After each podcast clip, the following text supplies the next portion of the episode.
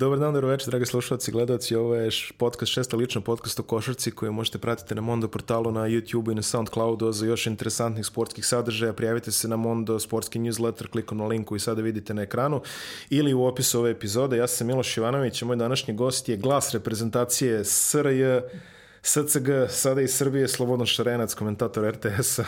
Slobodane, dobrodošao. Ćao, hvala na pozivu.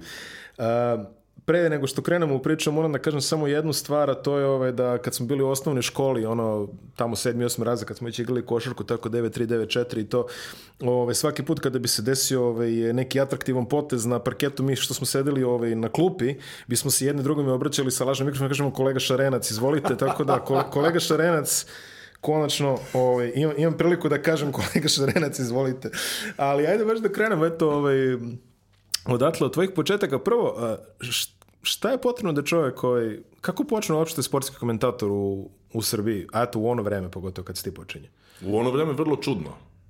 A to je tako što uh, se nađeš na pravom mestu u pravo vreme. Znači... Mislim da je ime Medović nešto slično rekao da je bio... Ovaj... Da, on je difovac, ja sam na ekonomiji bio, tako da nemamo baš neke dođene tačke sa televizijom i sa svim tim stvarima za koje je izuzetno potrebno da se završi fakultet i da se završi škola. Međutim, tu postoji jedna kvaka o kojoj ja stalno pričam, a to je da za ovaj posao ili jesi ili nisi, kao iz one reklame. Jednostavno se rađaju ljudi za ovo ili nisu za ovo, ovo se ne uči. Uči se finese, znači čitav posao, radan, novinarstvo po jedan, po dva televiziji, u medijima, je zanat To mm. moraju ljudi da shvate, to je zanat, to je velika praksa. Jer sve što nauče na fakultetu je super, ali sve to u praksi moraju da drugačije neki put primene i da nešto promene i tako dalje, da se navikavaju na situaciju gde se nalaze.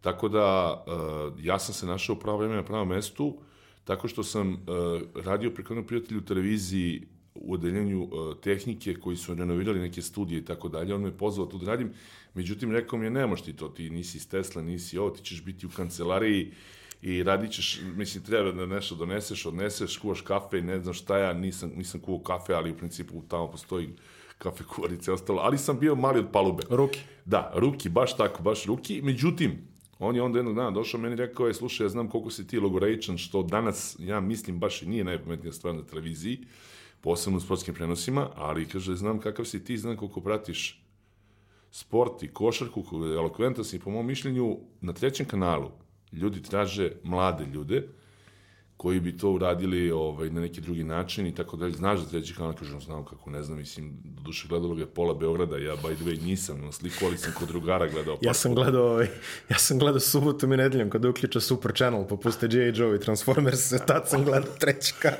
Bio je okej okay kanal, ako yes, se ljudi sećaju, 89. okej, okay, omlinski kanal. Prvo iš, išao jednu godinu dana kao test kanal. Tako je. Sa samo satelitskim snimcima. Tako ovaj, je. Da. I onda je bio okej okay kanal, tu su bili Voja, tu je bila Ivana Sadzarić, tako dalje, Gorica, ja mislim da su svi oni krenuli odatle.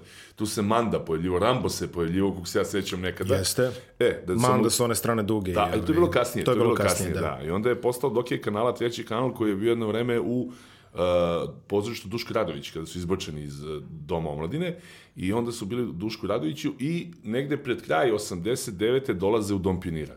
Ja stižem 20. januara 90. godine na molbu tog mog prijatelja da ovaj, probam da siđem dole do trećeg kanala koji je bio u, u Domu pionira, da vidim s ljudima, da se dogovorim da li bi nešto mogu da radim, da li imam neku ideju i tako dalje. Ja sam došao, došao kod Zozona čuvenog, koji mi je rekao, dečko, imaš neku ideju šta bi ti mogao da radiš oko iz prve, ispali nešto, a da nije ono sve što vidimo na prvom drugom programu. Ja sam rekao, da, ovaj, otišao bi da postim trening ženskog futbolskog kluba. I on je rekao, sjajna ideja. Sjajna Aj ti to probaj, zakaži ono. Međutim, ja sam sutradan preko došao na posao, oni su mi rekli, ne, ne možeš to da radiš, dođe ovamo, treba neko se bavi kasetama, montažom, realizacijom i ostalim stvarima, snimaćeš ti prilog, ima vremena. I on se ja digu ruke od tog priloga, mislio sam biću iza kamera, međutim to je trebalo samo 2-3 dana, pošto su došli, rekli možeš da ideš na hipodrom da snimiš prilog neki sa Sanjom Injatović. Dobro. Sećam se i dan danas prvog odgovora na moje pitanje za gospodina Mike se zvao, kako je to kad je drugi stigao na trci, on rekao stigo je drugi za najbolje konja koji je bio favorit, ne samo favorit, ne samo u Beogradu, nego i Evropu. Tako da mi je to dan danas se sećam svog prvog intervjua koji sam radio na hipodromu. Međutim, sticam okolnosti Duško Korać, Zonko Mihajlovski, Srđan Knežević, pokojni, Zvonko je tu ovaj, živ, Dule, nažalost, više nije s nama kao ni Srla od ranije. Oni su bili ispomoć prvog i drugog programa za mladu sportsku redakciju na trećem kanalu, gde je bio jedino Vlada Olić koji je posle poznat postao po tome što je radio NBA za BK TV iz Amerike, direktno vlada i dalje tamo. Ove, radi je živi, ali ne bavi se medijima i onda sam ja tu dobio od Koraća ponudu, mislim ponuda je bila i, i onako iznuđena, jer, jer smo radili neki sportski maraton, Da. noć celu, čekao se Tyson ujutru, da bude neka borba u pet ujutru i imali su rupu negde od 1 do 3 do čuvenih porno filmova. I onda je, Electric Blue. je. I onda je bila varijanta, ajde, ovaj dečko treba da se radi NCAA i košarka, ne sjećam se koja je prva utakmica bila, ali je bilo, imamo dva sata NCAA-a, upadaj. I tako je počelo. I, ovaj, to, je, to je, kažem, uvijek sam imao u životu više sreće nego, nego pameti. Zaista, to je tako. Ako je to Joca rekao, znači, double decker. Ovaj, ono što hoću da približim eh, mlađim slušalcima i gledalcima, treći kanal se zvao treći jer je bukvalno bio treći. Tako je. Nije bilo ničega osim Samo prvog i drugog. drugi. Bili su prvi i drugi dugo, onda smo mi u Beogradu bili malo privilegovani da dobijemo treći kanal i to je išlo onako dosta dubioznim putevima, nameštaj antenu ovamo. Kilovo, onamo, prilično. prilično kilovo. A, posle tek bio NS Plus, čini mi se kao četvrti kanal, a i to je bilo ozbiljno nameštanje. 3P je bio prvo. E, ja mislim 3P. Da, da, Novosadski 3P koji je popunjavao kod nas neko vreme između 3 i 5 popodne, na Tako je, primjer. tako je, tako je, tako je. Onda tek NS Plus kao E, tako je. samostalni kanal i onda je krenulo već ono. Politika, studio B i Tako je, ostalo. tako je, sve što ide usput. Um, treći kanal je bio dosta revolucionaran u smislu jer je bio televizijski koncept kakav danas vidimo. Znači, ovaj, televizija, zna se šta je bilo televizija 80-ih. Da. Kravata, odelo, ono Pa jasno. mogu da ti kažem da to podsjeća na ovu vrstu, na, na podcaste Da, danas da, i na ovu da, da, vrstu može se, interneta i može se, i može se, može se reći, apsolutno, To je može to. se reći. To je to. Bilo je dosta neobavezno, bilo je dosta tih ovaj, kvizova, kviz formata, Voja koji vodi onaj trika dur, trik je, show e, i ostale stvari. Ko će koga imamo? Ko će, konj će koga, Konj će koga, tako je. kako smo ga zvali. Ko će koga, bilo je, ovaj, o, bilo je velika upotreba materijala Jean-Michela Žara, ne znam da li ikad zaznao za, ovaj, Za prava, Za prava. za tantijeme. za pravo A te Šoder lista? Šoder lista Šoder ne lista je bila, Šoder lista je bila tačno pred raspad ove bivše ovaj, repu, to je bilo sjajna emisija, stvarno, Šoder lista. Ali kažem, bilo je Jean-Michel Žara tako u nekim formatima, do te mere da smo ga mi u školi zvali onaj iz trećeg kanala. Kad su, ovaj, Kao da je- e, kao da je stalni gost. A, a drugi stalni gost je bio Simple Red, Something Got Me Started. Something Znaš kako je bilo to u momentu, nemaš šta da radiš i nešto pukne neka traka, ti ubaciš muzičku u traku gde su ti fotovi koji si ti nabrao izlizani, verovatno. Bio je to i bio onaj demo Samige koji se zaboravio kako se zove ona devojka što pleše kao ona silueta, e to je bilo namontirano u da, Got da, Me da, Start. da, da. I ovaj, taj demo još uvijek postoji, to je čuveni demo Samige Sećaš se scene. Polodotora? Da, naravno. Koje? Naravno, naravno. Evo treći kanal. Da. O računarima i modernim O računarima i tehnologijama. modernim tehnologijama, Tako to, to se sećam, to Kako se sve da traku pratilo. premotati, navestite vaš custom. Azimut. Štelovanje azimuta, šrafcigerom. Dobro, ovaj, da, da ne tiltujemo Mnogo smo previše svi smijali, ovaj, na početku neće valjati. da ne tiltujemo previše ove mlade, ko, mlade slušalce, ali ajde, kažeš NCAA, um, ono što sam isto ovaj pričao sa Aleksandrom Džekićem je, na primjer, koliko je to neko romantično vreme praćenja američke košarke, jer to je kod nas ja neću kažem ilegalno, nije bilo ilegalno, ali uh, polulegalnim kanalima smo dobijali materijale američke košarke. Čega se ti sjećaš iz te ere? To su stvari pra počeci praćenja američke košarke, to je bila avangarda, pravo. Sećam se da nisam imao ni jedan podatak, na primjer, za neke prenosi, da je prvi moj lapsus bio za, za Shona Kempa. Čuvenog Rainmana, odnosno e, kišnog vladaoca, a ja sam to čuo, pošto sam ovaj, tražio od režije da mi daju nekako, ako mogu Amerikanca u slušalice, američkog komentatora, i on je čovjek rekao Rain Man, ali ja sam to čuo kao Rain Man i povezao sa Sjetlom gde pada kiša ne znam koliko stotina dana godišnje. Što je logično. Da, za čoveka od 20 i nešto godine tad bilo logično, koji zaista nije znao da je ovaj vlada, vladar ili vladalac, kako je baš Da. prevod, a ne Vidi, čovek. I to je, niko od nas nije znao da je vladarac do, dok nije došao internet preko Afrodite 95. Tako da... I to je prvi moj veliki lapsus koji se desio. Bilo je izuzetno teško doći do podatak, podataka, sećam se da sam čekao Slam da stigne u Beograd, ne bili kupio S časopisi. da, inače, časopis da objasnim ljudima, pa je to trebalo mesec dana onda prelistavanje tog časopisa i čitanje svake stvari od početka do kraja ponovo. I sećam se toga da smo se snalazili sa tim satelitskim podacima, vidiš to polulegalno, to si dobro rekao, mi smo ipak dobijali neke satelitske podatke s kojih smo uzimali to bez Mhm, znakova, bez screen sporta čuvenog i tako dalje. DSF. Zato što se sećam, na primjer, i toga, to mi je ostalo u glavi da je jedan All-Star vikend, tačnije sam All-Star meč, počeo kada je kod nas padao izuzetno jak sneg. I Oće u februaru, da. naša satelitska antena na Sava centru, tad smo već bili u Sava centru, ona je polako, negdje krajem uh, druge četvrtine počela popušta i pojavio se sneg na ekranu. Bukvalno. Bukvalno sneg. I za pet minuta se tu više ništa nije videlo, srećan završila se četvrtina i ja sam otišao do tehničkog vođstva, čovjek koji dan danas radi u televiziji, pitao sam ga, ovaj, šta ćemo sad radimo, on je rekao, ne znam. Ja kažem, ali pao je sneg na antenu, sigurno kaže, pa. Pa je šta da čekamo da se otopi sneg? Nemam pojma. Znači, to je bio odgovor čovjeka koji je bio dužan da to obezbedi signal. Ja sam onda negde tražio u dva noću, tu tri, Metlu. pola četiri već, da, čistačice po sad centru, našao sam metlu, našao sam lopatu i išao sam po sad centru po samom krovu gde uopšte nije naivno da se ide, jer imate tanke zidove e, betonske po kojima treba ići, ovo ostalo nije sigurno, toliko ne sme čovjek da nagazi, da padne, da... Ja sam onda po tome čistio put sebi išao, da dođem do antene, da očistim antenu, Da. i vratio se nazad u studio. I sad je slika kristalno jasna, jer sam ja očistio antenu, napolju ne pada sneg, ne upadaju krpare sa neba. I ja sam sve to uradio, u poluvremenu stigao sam sve to da uradim i nastavljam utakmicu. Srećem bio All Star, to su malo duže manifestacije. To je duže poluvreme. I ja sam, ovaj, ovo malo ljudi zna, I ja sam to očistio, vratio se, odradio utakmicu, počelo je ponovo negde pred kraj da pada. Ja sam samo molio Boga da, da, da, ne bude skroz produžetak. Da, da, tačno. I na kraju ovaj, dobro je bilo, završilo se sve. Uglavnom, to su neki prapočetci koji se sećam, sećam se da nismo imali podatke da teško je bilo doći do toga. Teško je bilo naći čoveka koji uopšte gleda e, košarku preko satelita koji, kod kog možeš da odeš da pogledaš. Ja sam kupio antenu, sećam se, davno, davno, davno i dobar televizor, baš zbog toga, skupio para i kupio to, da bih mogao da slušam strane prenose i komentatore na screen sportu i tako dalje, da bih mogao da nešto čujem i naučim. Nije bilo interneta, nije bilo mobilnih telefona. E, moja čerka ne zna kako je živeti bez mobilnog telefona, kaže kako ste vi živjeli uopšte bez telefona, to njoj nije jasno. Nije bilo znači neta, nije bilo toga. Bilo je trenera koji su imali neko iskustvo u Americi preko kojih se mogli, koji su pratili. Džile je jedan od njih. I od njih se moglo pokupiti mnogo toga. Iako su bili mladi, bilo je neki drugi koji su stariji od njega, s kojima si u razgovoru mogu da pokupiš neke informacije. Nije, nigde kraja moje sreće kad sam ja čuo da Shaquille O'Neal ima uh, patiku 56 i po broj. ne treba ti pričam da je to svaki Orlando Vrenas tako kretao i završava se da, eto, kada oni ga snime, znaš, celog je, kažem, pa 2 metra 16, ne znam, 140 kg i 56 i po patika. To ti je jedan od catchphrase-ova. Ja lično Da. najviše pamtim da je Veselin Petrović u svakom kontaktu s loptom Jest, bio bio džudista. A da li se za Jovu Stanojević je rekao da isto bila neka borilačka? Jovo Karate, okej. to mislim da svi znaju. Do, da. A to je užasno, ja kada utim da, da čujem eventualno kad mi neko pošalje neki klip Delić, barem sa nekog VHS-a koji je skinuo iz 90. neke godine, mene je sramota.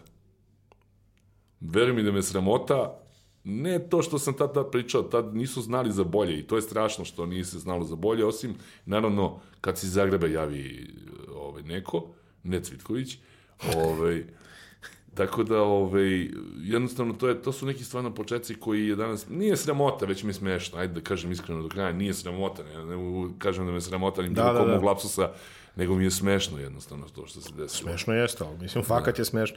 Ja bi još dodao inače na ove izvore ovaj Tempo i Dekija Golalića, Da, da, ovaj, da, da, da, da, da. da. koji, se, koji se javljao takođe. Vidiš, meni je izuzetno žao što je otišao u Ameriku, Mhm. jer kad je sa mojim kumom Žuletom krenuo da radi NFL, Žon Peđe Jurišević. Da, Peđo Jurišević, da, kad su krenuli da rade NFL na treći kanalu i tako dalje, ja sam Dekija hteo da, da, da ukradem za košarku.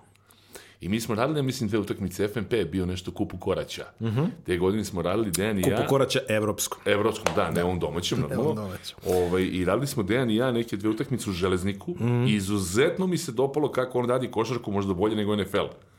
I onda je ovaj, otišao posle toga u Ameriku, nažalost, inače sam ja imao neki plan da, da on bude nešto tesu koliko je moguće, međutim, tad su se otvarali neki drugi kanali, neke druge mogućnosti, sport klub arena, više novca, više sporta i ljudi su jednostavno odlazili. Da, Da, da, definitivno, ali eto, u to neko vreme kad si ti pričao, naš jedini pro, sportski prozor u svet bio je de facto RTS i ovaj, ono po čemu ja počinjem, da, ne, ne po NBA-u, ok, NBA, svi smo pratili sve to u redu, ali ono po čemu ja počinjem te pameti su prenosi Juba lige iz, sa sredine 90-ih. Kako si avanzovao sa američke na, vidiš, to je, to je nekad bio proces, sad ćeš počeš da radiš od srpske pa ćeš dođeš na američku. Ideš od beton lige do, do, do NBA-a. A tad su te pustili prvo na NBA i to je onako niko ne gleda kontovi, jeli? Tako pa si došao do onoga što svi gledaju, to je bila Juba Liga. Tako je. Pa ja sam bio na trećem kanalu, treći kanal nije imao Juba Ligu. Juba Liga je bila na domaća košarka i uopšte međunarodna košarka je bila nešto su 1 i 2. Ja sam bio na trećem kanalu do dolaska Marka Markovića koji je 90 i četvrte godine postao urednik i poziv jedan dan i kao dođi ovaj, kod mene redakciju kao Marko Marković zove čovječ. Legendarni radio komentator za... E da, tačno, ja zaboravljam da ogledam mlađi. Da. Čovjek koji je postao popularan po tome što je vodio uh, odlično radijski prenos radio, ne vodio, voditelji vode emisije, komentatori komentarišu to da, da, da, kad mi ljudi kažu danas odlično vodiš ovaj meč, ne vodim ga ja, vodi ga sudije i treneri.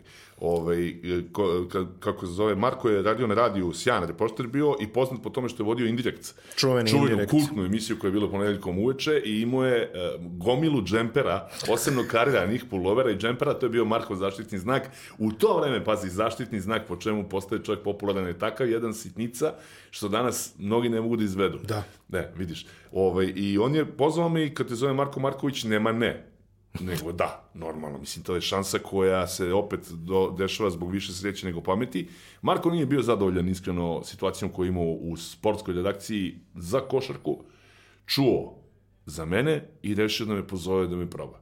Ja sam došao, on mi dao sa starim kolegom da odredim nekoliko utekmica, ja sam se pojavio posle prve, rekao sam ovo nije u redu, jer ja ćutim za ono što on ne zna, ne mogu ja da ispadnem da ja ne znam, a ako kažem, čoveku ću da zabijem nož u leđa, nije, da. nije okej. Okay da ga ja u sred prenosa ispravljam i da govorim da to nije to, to nije te napad, to nije te igrač, to nije ta lična greška i tako dalje. Te osnovne stvari kao nešto drugo.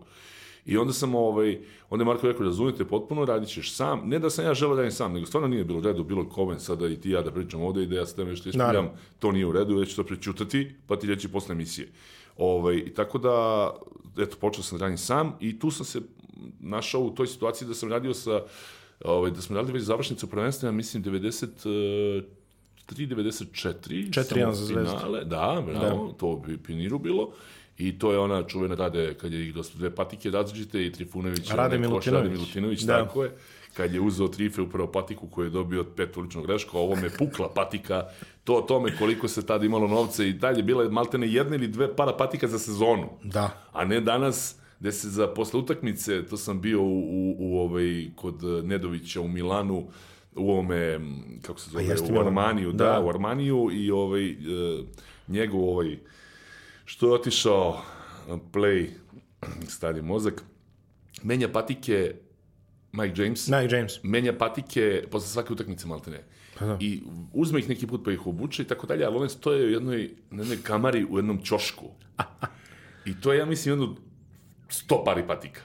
I ne da kaže uzmi slobodno, neke nećemo primetiti, reko ne, ne, ne, nije to to do mene, nego jednostavno mi je interesantno da slikamo ovo, da snimimo, da, da. jer je nevjerovatno i ti da ispričaš čemu se radi. Znači čovjek, danas postoji takav luksus da posle svake utakmice menjaš patike, nekad je to rade, tu Milutinović upukla patika, pa je obukao od kolege da bi završio utakmicu. To je ta serija 4-1 i tu sam krenuo da radim i to je bila dobra košarka, morate priznati, mnogo naših ne zna da je tu igrala Iva i Šapca, da su igrale koje kakve ekipe da je, da je, da je bio... Profi Color, da, Spartak. Tako je. Spartak je bio izuzetno dobra ekipa tamo u Dudovoj šumi, da. nije bilo lako dobiti Profi Color, tako je. Da, Beočin. BFC posle, tako je, to su, to su neke ekipe koji su zaista igrali sa dobre košarka. I tu Lj, ljudi koji prate ovaj podcast znaju ovaj moj fetišizam prema ovaj tom. Tako da gledalce sam već naučio na ovo, na ovo što ti kažeš. Ali ta serija, to je bila jedina serija ovaj, u istoriji, čini mi se države koja se igrala ono best of seven format. Da. To je bio eksperiment, ovaj, taj jedan, Zvezda je pobedila 4-1 u finalu nakon sedam uzastopnih pobjeda Partizana, Partizana tako u toj sezoni. sezoni, da. da.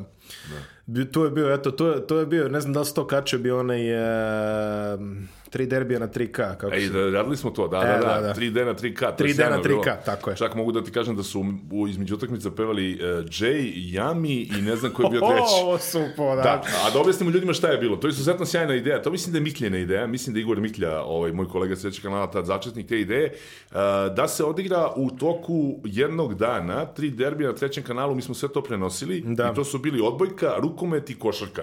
E sad, ne znam da li je baš u jednom danu ili su bila subota i nedjelja, ali mislim da je bilo u jednom Bio danu. je neki ono kombinovani program. Tako je, da. e, i između su imali tako neki koncerti dok se malo sredi teren, seća se Džeja, seća se Jami u nekom momentu, mislim, ono, mi zapanjeni, ali to je moderna muzika tog vremena. Apsolutno pa ne. Šta Tako da, to je za narod bilo koji je došao u dvoranu. I Ja. mislim da je to bilo dobra ideja. Jer jednostavno je, tad je možda to bila ideja da se malo smiri strasti, jer je publika tad već počela da previše talasa i je Ali bilo eto, onako... i, i toga više nema ovaj sada da nema. Ja se sećam uh, 9899 Partizan igra Kup sa Porte. Da. Igraju protiv Pakša, mađarskog Tako Pakša, a u polovremenu je pevala Marina Perazić, Tako koja je promovisala ovaj svoj novi album, Album, da. tako da imao sam priliku da gledam Marinu Perazić i pionirao ovaj, u polovremenu tih Gdje si se manifestacija. setio Pakša, čoveče, svaka ti čast. Pakš i Robert Guljaš, Da, njihov Robert centar, Guljaš, koji centar, igru u Ortezu posle. da. Da, da, da, posle. To je, to je, bio je, verovatno si to prenosio, ali eto, Jes, ne znam. Pa Bio jesam, zato bio i sam kažem gde si se setio toga. Bio je, bila je grupa Pakš, uh, Ajek, Topo finske, Da. Torpen Poet, čini mi se da je skraćenica Pakš, to je Topo.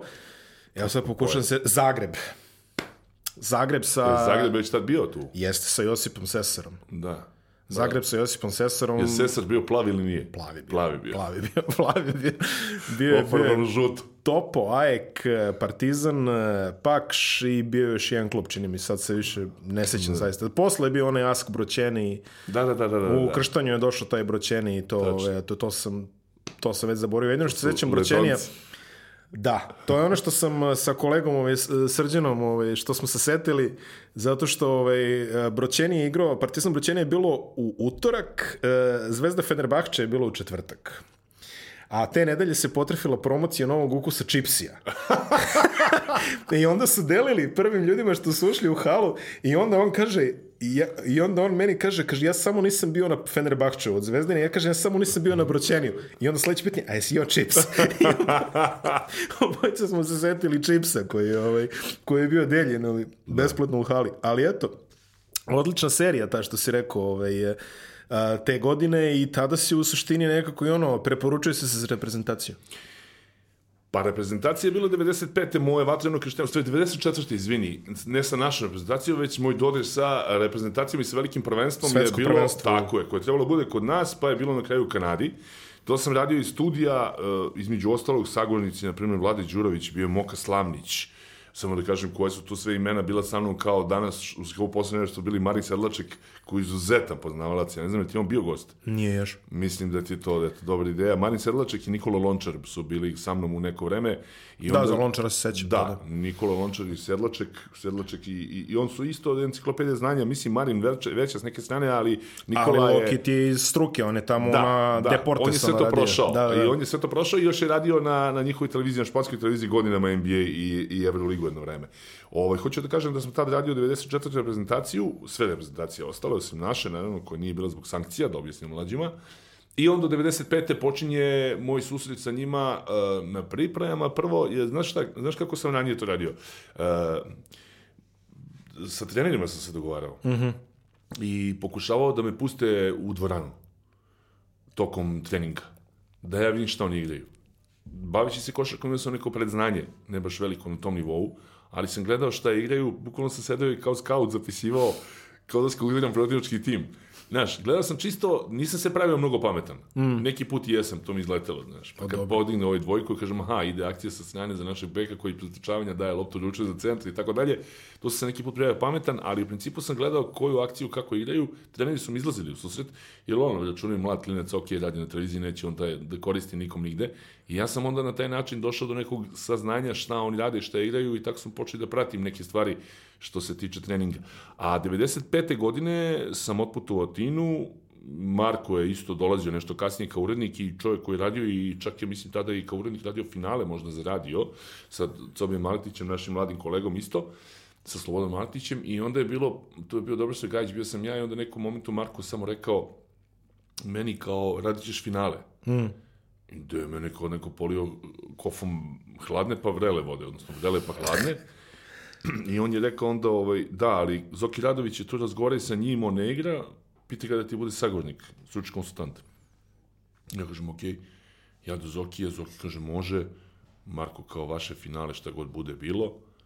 I ovaj, eto, to, ta legendarna utakmica koja je meni opet kad sebe čujem smešna, zato što sam posle toga poslušao Duleta Koraća, koji je rekao, uh, vidi se da mnogo držiš pod kontrolom situaciju i vidi se da imaš u sebi tempo, imaš, tem, imaš temperament, imaš neki, neki šmek. Mm -hmm. Pusti malo kao to. Ja kao kako to da pustim? Pa samo se opusti malo. Znaš, ja kažem, pa nije, nije lako. Ja radim utakmicu, gledam me navijači u kafiću, gledam mm. me navijači kod kuće, gledam me profesor hemije, gledam me nastavnica muzičkog, gleda me čistačica u fabrici, gleda me, znaš, da, da, da, veliki da, da, da. dijapazon publike i nije sad lako pogoditi svima. Jer i ti i ja različito reagujemo kada Bogdan Bogdanović da trojku. Da. Znaš, neko će da kaže daješ nešto se dereš, a neko će toliko da vrišti da neće čuti ni mene, ni, ni sebe. Jasno, jasno. Tako da sam ja onda tražio neki pravi put koji bi to bilo da kažem, prijemčivo i za jedni, i za drugi, i za treće. I Dula rekao kao, pusti malo to iz tebe da vidi, vidi se da imaš taj temperament, vidi se da imaš tu energiju, tu, tu, tu strast, kao pusti to da izađe. Da li sam pogrešio, ne znam. Ali možda nisam. Mislim da nisam. Ono, ono što, ovaj, što, što si spomenuo malo pre, tvoja čerka ne može ni moja, ne može da živi bez interneta i ne zna kako to izgleda, ali ovaj, hajde sad ovako, kako izgledalo realizovati prenos te, sredinom 90-ih, jer imaš ono gomilu papira, jel, jel se uzdaš u pamćenje, jel, ti nemaš ni statistiku ispred sebe, ti u suštini, ja sam vidio uh, juče, juče objavio zvanični Twitter Evrolige objavio sećanje na prvu ikada Ulebovu utakmicu Euroligi iz 2000. valjda i objavio box score. Ovako, mm -hmm. sad onaj, znaš ono što onako povlačiš ono, x-iće, da, da, kružiće da, da. i sve to. Tako da ni u to vreme nisu imali ništa nego je beležnik ono lepo ovako ispisivo. I kao zapisnik što se nekad vodio, tako sam tako, ja radio i isto. Ti, na, da, kako to izgleda? Moram, tako radim i danas neki put, da znaš. Zato što ovaj ne ne navika nego potreba. Ne nikad grafika. ne znaš, nikad ne znaš kad će grafika da da ovaj otkaže ili kad će da otkaže internet ili kada će da nestanu svi koševi i tako dalje. Da, da, da, da, da. A, nekada se radilo, samo da kažem te 95. u kojoj smo pričali, mm -hmm. uh, radili smo one kvalifikacije u Sofiji. Au, da. I to je bilo izuzetno ovaj, iskustvo, zato što ja prvi put na velikom putovanju, tako sa reprezentacijom Kića, bio direktor reprezentacije, bio doktor Momaje Koljujić, bili su svi u, u ekipi, Duda Ivković je vodio tu ekipu. Moram te prekinuti samo na časak, da kažemo, repre, kvalifikacije su bile u Sofiji. Tako je. Uh, Bugarska. Bugarska i Bosna i Hercegovina koja je odbila da igra protiv nas, tako da je to... 2-0 ili 20-0, koliko se to... Koliko I, sam i ja čuo, izbačen. nisu oni baš to hteli, ali je takav Nisu, bio nisu. nalog. U krajnje vreme, mislim da rat u Bosni još uvek traje u tom Tako je, momentu, tako je, tako, da tako je. ovaj, bio je to. To je rečeno da oni neće da igraju sa je. agresorom dok traje tamo rat u Bosni i tako dalje, to je tako završeno. Uglavnom, Znam da je su Kiće pričao da je Mirza hteo da igra, Mirza Tako je. Delibašić pokojni tadašnji, čini mi se, predsednik. Predsjednik saziva, da. A, međutim, odigrala se ta super mitska legendarna utakmica sa Bugarskom. Objasni kako se završila ukratko. U, završilo se, čini mi se, paspaljevim penalom. Ovaj, Dva komada je dobio, Đorđević se hvata za glavu i da klupi gde kaže njega, baš da foliraju. Znam, sreta, sreta je baš pričao da čini mi se da je rekao, 40 kaže, minuta publika viče nešto... samo da da jedno. 40 minuta publika viče nešto bulgarski junaci tako navijaju, ne znam kako. To je 40 minuta sve vreme odzvanja ludanje. Palja daje penale produžeci i... I tu, se, i, tu, dobijamo, I tu se rešava, da, eto, inače te godine Palje je izgubio šut. To je, to je godina kada je njemu procenat sa bacanja pao sa 85 na 55, na primjer. Da, je znači, ono, mislim što kažu golferi Jips, ono, popularno mu se desilo. On je tada, čini mi se, prešao iz uh, Pana, Olimpijakosa u Panathinaikos. Onda je počelo, nećeš uzeti trofej i tako dalje. da. Međutim, ruka mu nije zadrhtala kao u finalu Evrolige ovaj, te godine Tako kada jeste. I ove, mi dođe smo nekako. Inače, dobiti u Bugarskoj tih godina nije bilo uopšte naivno. Ne, ne, ne. Imate snimak, e, ako vas zanima, na, na YouTube-u reprezentacije SFRJ koja gubi od Bugarske sa sve Draženom Petrovićem i tom igra otac ovog e, momka što je igrao u Barcelone, sa Vezenkova, primjer. E, Mladenov je bio, bio je... Grgi Glučkov je ta, Glučkov, tako ta, je. ta ekipa. Da, da, tako da, može da se vidi ovako jedna neogledna gimnazijska halal odrašena sa sve, Kakvi sve Sofiji Dražen. dole nema šanse neko Da. da. dobije u to vreme. E, I tako to da, je bilo, da. Da. To je bilo to vreme kada je isto, kada sam počeo, a, a pitao si za, za statistiku i za sve to ostalo. A, jednostavno sam ručno vodio svu statistiku tada, realizovati prenos bilo je isto kao i danas što se tiče tehnike, samo je tehnika uznapredovala, pa su bolje reportažna kola, bolje kamere, bolje, bolje računari, e, mikseri i ostalo, video mikseri, audio mikseri i tako dalje. Međutim, mi smo, ja sam tada vodio a, ručnu statistiku, Danas na velikim takmičenjima imate monitor statistički, imate monitor za sam prenos i ovaj vi donesete verovatno vaš laptop ili tablet, pa na njemu tražite vaš sajt ili sajt tog e, sasvim ovaj, tog sasvim normalno ovaj, e, takmičenja i onda tu tražite statistiku koja vam odgovara. Doduše sada FIBA fino to radi, Imate na samom tom računa, na, na samom tom monitoru imate touchscreen i gotovo sve je tu dostupno što i na njihovom sajtu od podataka o igračima i tako dalje. Tako da sad oni to je sve na jednom mestu, međutim to je izuzetno teško raditi ako vas nije dvojica. Da. Ako ste sami, ode akcija. Tako mi se dešava da ja ne vidim da je dvojka ili trojka, pa najvidim da je trojka Bogdanovića ili Teodosića, ono bila dvojka, sudija je pokazao dva, ja sam u momentu nešto pogledao na, na ekran, Tako je nastao na kraju kraja moja najveća glupost, najveći lapsus, baš u tom traženju statistike i tako dalje. I sad, vidi, nekada davno sam poslušao ja Duleta, isto Koraća i Igora, eh, ovoga Srđana Kneževića, koji su mi rekli da od svojih podataka moram da koristim tačno onoliko koliko smatram da je dovoljno. Jer ako pređem preko te neke crte, udavit ću publiku. Da. Sa statistikom, ko što se danas dešava. I meni i ostalima. Uh, tanka linija imaš neko ko hoće samo da, imaš neko ko hoće sve to da čuje. Zaista, postoje ljudi koji hoće da čuju statistički podatak svake vrste, a imaš ljudi koji to ne interesuje. Imaš ljudi koji off-topic varijante su sjajne, kome je mama šta radila, kome je tata igrao basket kad je došao iz Amerike, preselio se, vamo tamo, da li je haket ili heket. Da, Imaš ljudi da. kojima sve to interesantno, ali ovo, jednostavno, znaš, treba naći neku zlatnu sredinu da, da bude, da, da svi ostanu s tebe da gledaju to. Da, da budu da, zadovoljni da. na kraju krajeva. Tako da je bilo ručno sve, ja i danas ručno radim, ovaj, jer ne verujem da, da će ostati tehnika do kraja, desi se da, da pukne statistika, da ode ovaj, grafika i sad Kada radiš na licu mesta mnogo je lakše, mm -hmm. jer obično ima monitor koji to sve daje, ali kad radiš u studiju, u studiju da. to samo imaš svoj kompjuter ili laptop na kome gledaš te... I, I dobro volju domaćeg provajdera. da, da, bukvalno tako. Bukvalno tako može se desiti da pukne signal i onda nemaš ništa, ja zato idem peške isto ručno za svaki slučaj. Koliko ti, e, koliko ti ovaj, e, kad, kad radiš sa mesta, sa lica mesta, kakav ti je ritual, koliko pre dolaziš, kako sve to izgleda? Skoro dva sata od vremena ne dolazim. Pa dobro, da, koji, koji, koji poštene navijači, što bi rekao. Skoro dva sata, možda, je, možda, je, možda malo manje, možda malo više, zavisi kada, gde se radi. Kod mm -hmm. nas isto dolazim. Vidi, ima nekoliko običnih stvari zbog kojih dolazim. To, su, to je lakši parking, da. manja gužva, kafa u kafiću dok ne skače ti svako po glavi, pa onda uđem u dvoranu, pa su obično razgovori sa jednim ili sa drugim timom, mm -hmm, da vidim šta ima mm -hmm. novo, da vidim da li ima nešto novo da ja nisam ovaj, zapamtio i da ne znam kako je ovaj, kako je onaj, su svi zdravi, jesu, obično i neka šala sa PR-ovima jednog i drugog kluba. Da. I onda već sam na poziciji da čekam sigurno na pola sata pre meča, probamo tonske linije, probamo sve što treba i tu sam ovaj i čekam da počne sve to. Kad sam u inostranstvu, isto skoro dva sata, ako ne radim utakmicu pre ili nešto drugo, ali skoro dva sata sam od ranije, pre veze sa Beogradom, isto porazgoram ako ima nekog iz nekog tima i našeg i suparničkog, ako nekog znam, pitam za izgovor. To je ono što zaista radim. Veliku bitku sam vodio sa našim lektorima. Oni su pravo, ne zaista. Oko? Oni su pravo oko izgovora imena. Mm -hmm. Jer njima jednostavno postoji taj, taj zakon, ta varijanta u njihovom poslu da sve treba da prođe srpsku transkripciju. Ja da, se da, slažem da. sa tim. Znaš, ali ako ćemo da zovemo ljude kako treba, da ih zovemo kako su rođeni tamo Potpuno gde ih izgovaraju, onda moramo i gradove da zovemo. Znači, a mi imamo na kraju krajeva Beč i Vijenu i Solun i Tesaloniki i Washington i Washington i Phoenix i Phoenix, ne znam, New York Chicago, New York. Chicago i Chicago, pa od Kedeljenka, koji zaista, a nije ni Kedeljenko, nego i Kedeljenka. Mm. Kad su meni Rusi rekli Andri Kedeljenka, ja sam rekao to ženskom rodu, ne, tako se izgovara pravilno. Pa, a ne Kiriljenko kao što su neki kod nas, ili ja kao Kiriljenko zbog lektora. Tako da, da li Aljekse Švijad, Da li veraš da je to istina? Pa verujem ti. Iz ovog ali... haketa, heketa, kad smo jurili, kako se izgovara, čovjek je rođen u Americi, u stvari otac mu Amerikanac, da, da, da. heket, on izgovara haket, italijani aket. Mislim, nebitno je, kažem ti, mislim da se u Srbiji najviše vodi računa o takvim stvarima, ali to ljudima para uši, da li je Šruder ili Šreder. Da, da, mi smo, da, da, da. Mi smo možda u godinama bili u problemu da nije Šreder nego Šruder, nismo znali. I sad kad ti kaže onda je on šruder, Vidi, da kako rečeš? mene učiš u nemački u školi, ali ne kažem da je to ispravno, ali godinama pre bi govorio Šreder. Da, tako smo govorili da Tako smo i govorili, da. Gerhard Schröder je bio kancelar. Gerhard Šreder, e, Tako je. počeš od njega. E, ali sad odjednom čovjek izlazi i kaže, my name is Schruder. Da, i na, i na klipovima se čuje da je Šruder, da, tako da... Nemci izgovaraju a, ako tako. on kaže da je Šruder, onda je Šruder, nema šta da... Ej, sad ti tu imaš taj problem koji kažu, e, to nije tako po srpskoj transkripciji, čekaj.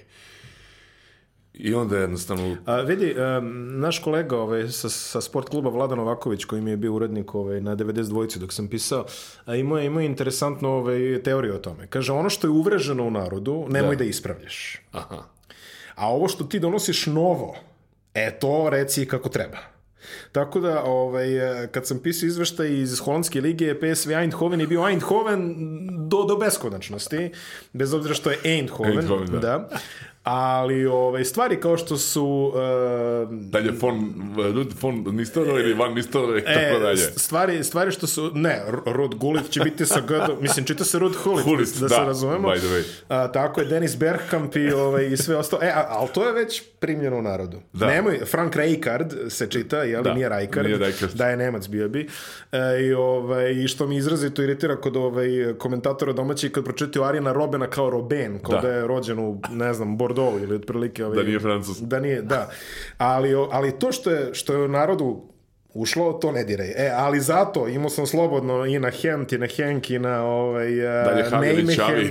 na Nijmegen i tome slično. Znači, to smeš da radiš. Tako da svaki put kad ti padne neki novi... Ali ovaj, pazi, kod nas se izgubilo, na primjer, to, ljudi ti danas gledaju čudno kad ti kažeš televizija Aleksandar Kanada, Jugo, Jugoslavija, ne Jugoslavija, Aleksandar Kanada, Bio televizija. je Vukovar neki dan. E, ovaj, ali vidi, to da. su stvari koje su nekada bile potpuno normalne u staroj jugi i Mm. to se moralo sve znati i, i dikcija i izgovor kada dolaziš da budeš voditelj tamo dnevnika ili speaker na radiju, tako da su imali oni ti problem, a to danas više niko nema. I ljudi misle da si ti lud kada kažeš da, Da. je to Kanada Da. i da je Aleksandar i ono, televizija. Znaš, misle da si kreten koji ne zna da govori, a u stvari je to pravilno, samo što se vremenom izgubilo. Šta ćemo s tim stvarima, na primer, ako ne diljaj to što je staro? Pa da, Da. da. Vrati to što je staro nekada. Vrate to što je staro, da. Pa ne, bukvalno svako ovih dana vodi TV programe. Odosmo daleko. Da, realno. Ne, ne, ne, nije, ne, ne odnosmo daleko. Ljudi hoće da čuju svakakve stvari iz struke, jer ono, 21. je vek, svako može da napravi YouTube kanal, svako može da priča, svako može da ga gleda. Zašto svako ne čuti- javna ličnost. Apsolutno. Zašto ne čuti nešto pametno usput, jeli? Ove, kada, kada, već, kada već delimo besplatne savete. Posle reprezentacije jedan, eh, jedan period eh, vremena na, na državnoj televiziji komentarisao si Euroligu. Da. Ja koliko se sećam, ti si često komentarisao gostovanja, dobro sa Gajić komentarisao domaće utakmice, tako ste se neko bili podelili, da li je to bilo ovaj...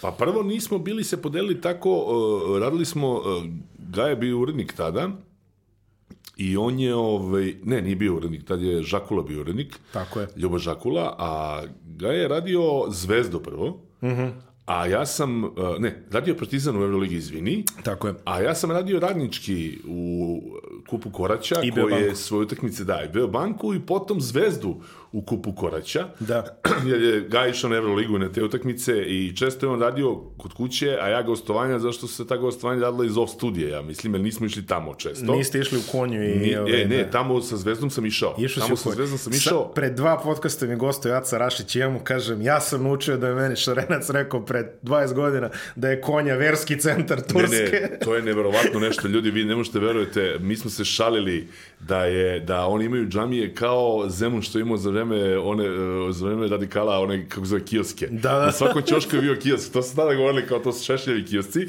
to je tad bilo, tako je bilo popularno kao klinci, Da. a ovi vamo imaju džamije na svakom ćošku i znate šta sam tad doživio? Tad sam doživio da devojka koja je obučena Uh, pa mi bi rekli normalno, znači ona ima jednu košlju dugih rukava zakončanu, ima da. neke crne dugačke pantalone široke i dole ima bukvalno muške cipele. I za njom idu tri gospođe koje su potpuno zabrađene i one za njom nešto viču.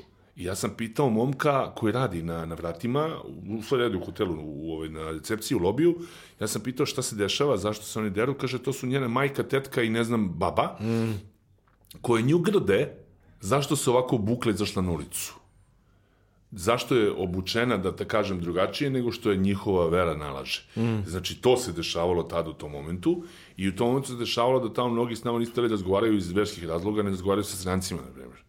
I to mi je bilo onako interesantno. A inače, taj prenos je bio najbolji ton, kažu u televiziji, ikada te sezone, A nećeš mi verovati na, na čemu sam radio.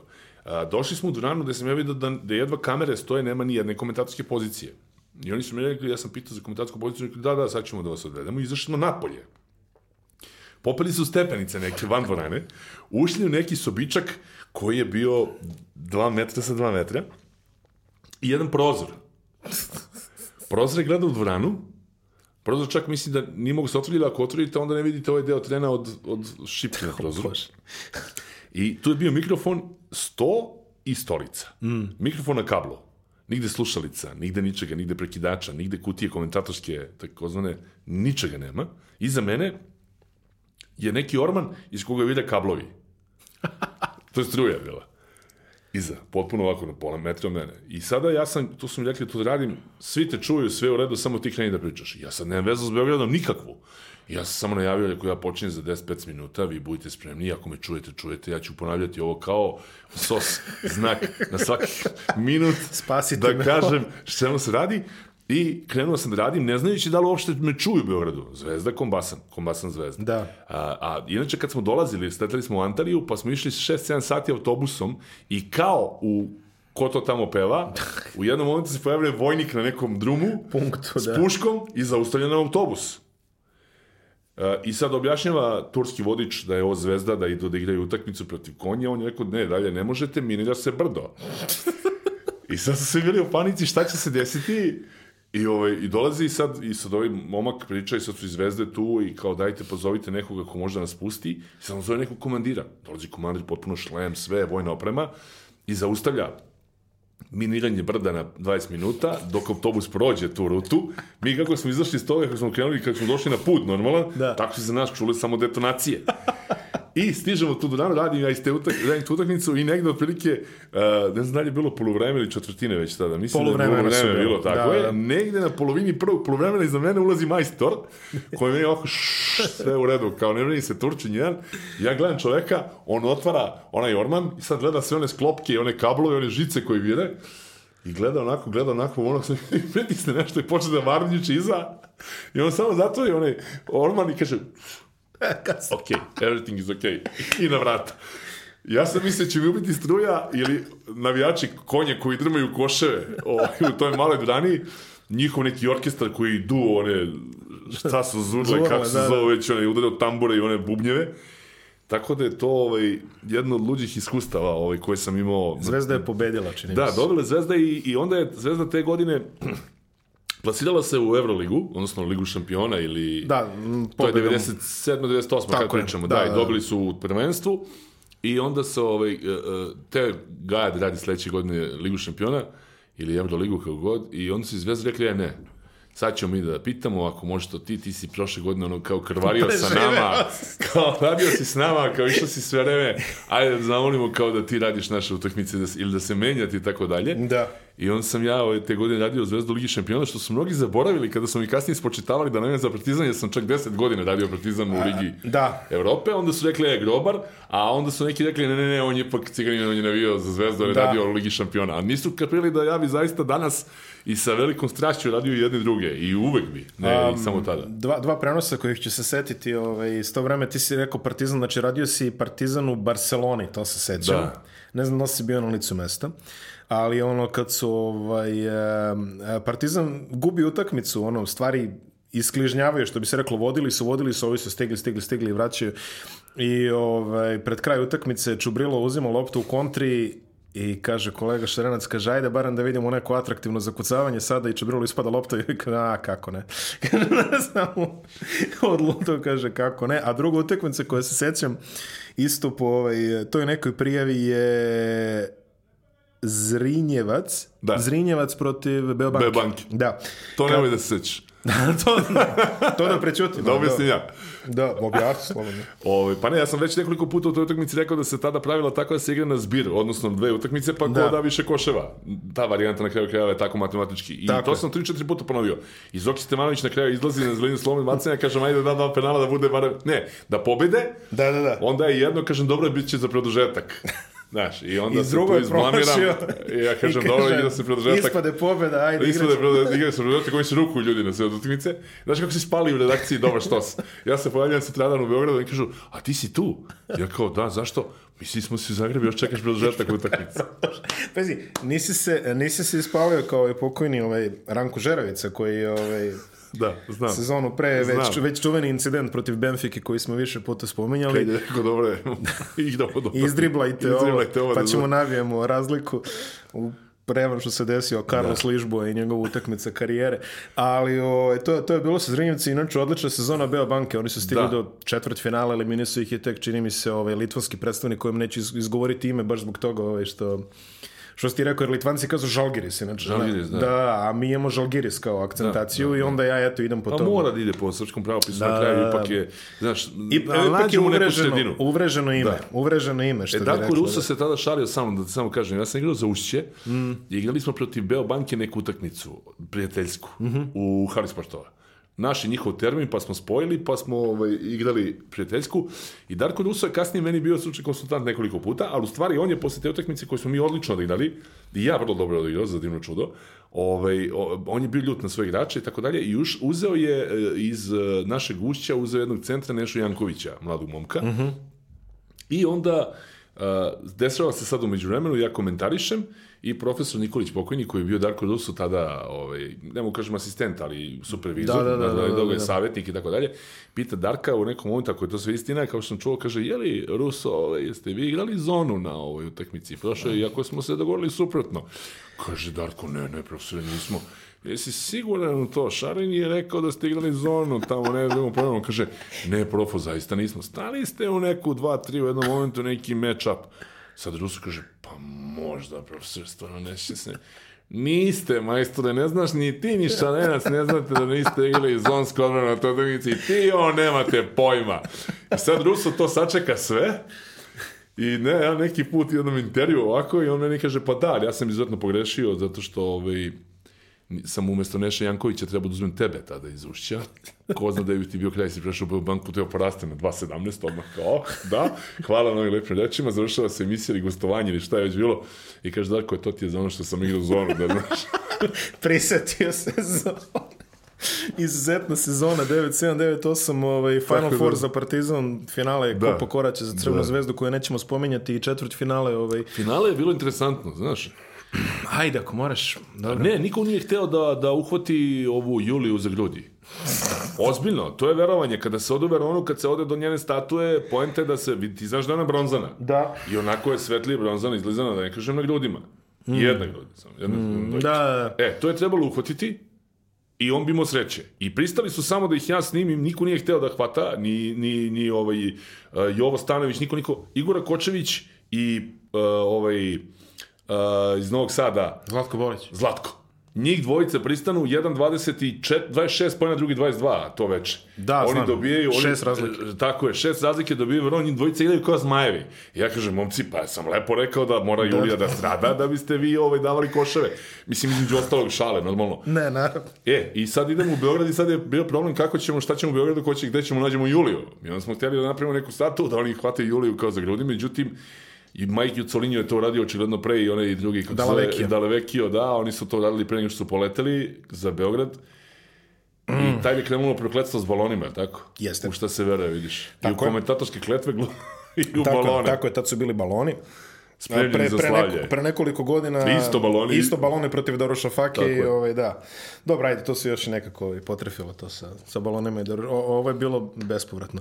Ali, Ali šteta, velika šteta za to. Jeste. Ogromna šteta, jer to je zaista bila dobra ekipa i dobro igrala te godine. I Lale Lučić ih je opustio pred odlazak tamo u Venonu, dove, do, dozvolio im da pođu sa devojkama, Mm. sestrama i tako dalje, e, ženama, suprugama koje ima i tako dalje. I znaš kako su bili opušteni fino tamo? Potpuno Lale bila jedna Lučić, domaćinska ovaj. atmosfera, jedna stvarno timska domaćinska atmosfera. Onako, bila, svi su momci bili, a i sam sklop igrača je tu bio takav, znaš. Nije tu iz- bilo iskakanja nekih velikih zvezda i šta ti znam, svi su onako disali za, kao jedan. Rakac je tu bio možda neka mlada zvezda na, na goveštaju, znaš, ovi ostali su bili iskusni igrači. I tako da, bilo je to dobro, To dobro. prvo finale što, si, što smo pričali 9-3, 9-4, to je isto Zoran Sretenović je pričao, kaže ovaj, Lale, kaže mi u Partizanu ubiše nas, poveli nas, šta je rekao, da li rekao neka kanjiža ili tako, nešto, Da, nešto u da, da, Vojvodini. u Vojvodini. I ovaj, kaže pripreme, kiša, lije, mi peške svaki dan, noge, crkavaju, kaže, a Lale Lučić poveo ovu budvu dole, kaže, on je lepo, ono, pet dana odmora i kaže, vraćamo se ovi lete, a mi ne možemo da se odvojimo od parketa. To je Željko ima sad u posljednje vreme, znaš. Često je koristio te neki odmor za igrače, svi su bili iznenađeni i onda se desi da dobije dobar, dobar efekt. Posle te klubske košarke ovaj, koje se proređuje, da kažemo, ovaj, tako, na, na državnim kanalima, jer dolaze to što si ti rekao, sport klubovi, arene i tome slično, ti se ovako usko vezuješ za reprezentaciju. I, ovaj, je zaista, ostalo. To ti ostalo. I zaista ovaj, većina ljudi e, će, te, će te prepoznati ovaj, kao, evo, kako sam ti ja najavio, glas reprezentacije u ovoj zemlji. Hvala ti na tome, ali šta da ti kažem, to je stice okolnosti. Znaš, to je stice okolnosti i, ovaj, i to je neka specifična emocija koja, koja tu postoji. Ja sam tu bio suzdržan krajnje i pokušavao sam da budem objektivan i profesionalan i tako dalje, a onda sam čuo drugi kako rade. I debelo navijaju, da ti kažem nešto. Znaš, debelo navijaju. Ajde, molim te. A ja sam pokušavao da budem, znaš, ono kao fin i objektivan i šta ja znam i da kažem da stvarno nije naša lopta kad je izašla u aut i tako dalje, neke sitnice i neke stvari i da budem objektivan, kažem kad ne igraju dobro i kad ovi igraju mnogo bolje, pohvalim protivnika i tako dalje. I onda su ljudi rekli, ok, sve to u redu, ali daj malo, mislim, ono, naša reprezentacija. Daj malo energije, daj malo ljubavi za sve to. I onda sam krenuo i i eto, šta znam, to treba. Ne volim da me smatraju da sam uh, Talija. To je smešno. Zato što, ovaj, pazi, ne lažemo Pazi, sad, statist, svako od nas, statistički nisi. ja statistički nisam. pa na, na više turnira se bio da nije osvojeno ništa nego što je ono. Uh, pa da, da, da, da, zato što da od kažem. 95. na ovamo kad se Da, da. pogleda, da, ali ovaj, u principu i za pobedu svaku kao Talija i ovaj, ili i Baksu, sve to isto, Mm. da, ti, da se ne lažemo. Ja imam moment gde stoji čaša ovde, ne, ne stoji na stolu čaša, ali gde mobilni telefon stoji ovako, pa ga ja ako krene loše na utakmici, okrene ovako. Mhm. Znaš, mislim, svega toga, sve to postoji. Igrači ob- oblače jednu čarapu, pa drugu uvek, kako obuku drugačije, bit će po, greš, greške i tako dalje. Ali nisam nikakva Talija, ja samo svi srcem želeo bih da oni pobede. Rekao sam nikad Zvezda i Partizan, samo Srbija i Zvezda i Partizan, ali samo Srbija opet iznad njih, kažem, nikad jedni drugi večiti i uvek večiti, zato što jednostavno ja sam tako naučen, ti si sam rekao, ali ja sam išao, išao da gledam i Zvezdu i Partizan. Tako je. Goran Grbović mi je bio gost u Šenici nedavno, pa sam govorio da mi je on jedan od omiljenih igrača iz tog vremena, ali da ne shvate da sam možda navio za Partizan, nego imam i Guzu Jankovića koji mi tad bio omiljen iz Zvezde, Da. možda čak omiljeniji od Grbe. Po- pokojni Guza, da. pokojni. Jednostavno sam imao igrače svuda išao smo gledali, to se znalo. Idemo u Halu sporta gledamo Partizan, idemo u Pionir gledamo Zvezdu, kad dođe reprezentacija to je Svetinja, tako da su te neke stvari bile ovaj, meni ostale iz tog perioda. Ja stvarno nisam imao ideju o tome da će se to jednog dana razviti tako da se mrze toliko jedni drugi. Mm. Nama je ranije bilo, kažete, ja, ja sam čak u, u osnovnoj školi. Mm. Svi koji su vidjeli futbol dečaci od Ljenju i jedno i drugo. Peđe Rišević je bio prvo jedan, ja sam bio prvo tri. On to zna, možete ispričati. I onda je bila varijanta da igramo Zvezda Partizan. I onda naravno pokupe se ovi koji su bolji i ostanemo neki mi treće pozicije, razumeš? I mi smo onda rekli nećemo napravimo, nećemo Zvezda Partizan, mi ćemo napravimo treći klub. I onda smo kao klinci bili Hajduk iz Splita. E, vidi, Hajduk bio popularan izuzetno Hajduk je bio izuzetno popularan u to vreme, tako je. to se sećam, I da. mi smo bili Hajduk iz Splita, znaš, i onda je sad imaš kao tri grupe i sad na času fizičku koji traje i da se, ne znam, ko si ti bio, Slešković? A, ma nisam bio ništa, mislim, bio Ivica Buljan, on, on je bio onako pamtim, Žungul. Žungul je bio dobar, Žungul, da. e, e. Buljan je bio odličan koga pamtim. I onda, ovaj, kao sad mi igramo, mi ćemo da budemo Hajduk, znaš, i eto, nećemo da budemo Zvezda i Partizan. To je to toliko o tome kad ljudi ono kao ti si grobar ili ti si Sad Delija. neko, neko upravi ofka, pričeka što smo mi skrivili. E da, ja volim Ofku. Ofka je moj kraj, iz mog kraja je Ofka, je jednostavno lokal patriotizam i žao mi je što ove godine nisam mogao da dođem na neku humanitarnu akciju koju su momci pravili, bio sam sa šrenicom na karavanu, momci su, ili sam u kinu otišao, mm -hmm. Ofk Beograd je ovaj, pravio, mom, navijači su pravili neku, ovaj, ali evo, ako gledaju, nek zovu, sljedeći put dolazim, ako budem bio tu, pravili su humanitarnu akciju, za Ofk ću dodati mi na tribinu, da znate. Čist vazduh, zdrav život. Vidi, tamo mi čerka trenira atletiku, ja sam navikao na taj stadion, mnogi su moji drugari tu igrali koje sam išao gledam kao klince u Ofki, mislim, znaš, Je se sećaš ono ovaj, iz pozorišta u kući kada ovaj, kao navodno prodaju stan, pa se pa je šifra čist vazduh, zdrav život, Karaburma. Ili Zvonko Mihnovski, dobar dan, pozdrav sa vetrovite Karaburme. Ono, uvek tamo do vetar. Ali da kažem, još veći lokal patriotizam je Beogradsk Karaburme. Nažalost, nema više prvu ekipu, to su crveni đavoli. Čoči, crveni đavo. Da, Da. mi smo se peli nekad iz osnovne škole i on Popović na drvo, da bi mogli da prebacimo ogradu da gledamo utakmicu kad su dolazili Zvezda ili Partizan u kupu, da te mečeve gledamo, zato što se kažete naplaćivali, nismo imali novca, od Taraba je bila vrlo visoka i mi smo kao klinci s druge strane u školi se peli na drvo da dobacimo da gledamo i tu je bilo puno drveće, puno drveće klinaca, da je neko došao, mislim, debelo je drvo, i tako da, da možeš da otreseš, popadala bi deca samo tako. Mi smo se peli da gledamo futbal, to su crveni đavolic Karaburme čuveni, I, ove, I dalje nemaju sad prvu ekipu, imaju neki pomladak, imaju neke klince, ali ove, to su neka dobra srećna vremena kad se vrata od stanova nisu zaključavala, vrata od zgrada se nisu zaključavala, komšije se ulazile kod dobar dan na kafu, nije bilo poziva, nije bilo telefona i opet smo se svi nalazili na vreme kod konja i tako dalje, i tako dalje. tako dalje. Izvini, Ne, ne, ne, ne, izvini, ne, ovo- ne, off topic veze. Ovaj. varijant. Nije, nije off topic, ovaj, na kraju krajeva ovaj, ne pričamo mi ovde zato te temi, ti si gost i pričaš o sebi, tako da ovaj, A stali smo na Karaburmi oko tog, oko ove, e, i košarke. Karaburma je krenula, da. Karaburma se raspala i tad je nastao prezidentski put. da, Po mesnoj zajednici koja je tu i ulici. koji povezuje Karaburma i Mirjevo. Mirjevo, tu su Ćalije, znači na Tromeđi. I ja sam tu, ovaj, kako se zove, počeo. Na onom trenu gore na Ćalijama, tu sam krenuo, tako što me Sima Trehub, moj prvi trener, video na ulici, rekao, jeli, ovaj, momak, šta ti radiš? Ja sam rekao, to su me kasnije zezali zbog toga o, o, svi. Ja kažem mu, pa kako mislite šta radim? Pa kao, se baviš sportom? Ja kao, ne. Pa šta radiš? Pa rekao, šta znam, idem ono, u školu, gledam filmove, slušam muziku. Evo on je to posle ispričao kad sam ga prvi put, kaže, pitao šta radi, on rekao, slušam muziku. Pa dobro. I to me svi posle zvali, alo DJ, dođi vama, slušaš muziku, mislim, znaš, ono, u košarkaškom svetu ko sam znao i tako s početka. Stavili smo kod reprezentacije onoga Izvini. što se sve ispriča. Ne, oko te objektivnosti ovaj, um, i iz tog nekog vremena tačno je to postaje ono, taj, taj ugao kao komentator mora biti objektivan, komentator mora biti neutralan. A, ja nisam neutralan, svoje boje ne krijem, ali mislim da je ovaj novi ugao, znaš ono, Ameri, američki komentatori i američki analisti to malo popularizuju. Ok je da ti voliš svoj klub, sve to u redu, priče normalno o drugima, ali ovi drugi će te poštovati, a ovaj, o- ovi tvoji će te voleti. I to što se mene, mislim, kroz karijeru ti si isto pričao sa puno sportista, ali najzanimljivije je meni, e, recimo ljudi sa kojima sam ostvario najbolje saradnje, su možda najvatreniji ikone tih klubova koje ja na papiru ne bi trebalo da volim. Novica Veličković, monument Partizana koji je stvarno čovek evo, s kojim se čujem ono, svako malo stvarno moj najbolji prijatelj u košarci u ovom momentu i sa njim izuzetno poštovanje Nole čista desetka. Za izuzetno koga god da navijaš. pa da. E, to jer, ljudi. jer, on, jer on shvata, on ima tu strast i onda on može to da detektuje kod tebe Da. i onda se vas dvojica dobro razumete, ok, drugi ste polariteti, jer tako, Da. drug, drugačije ste naštimovani.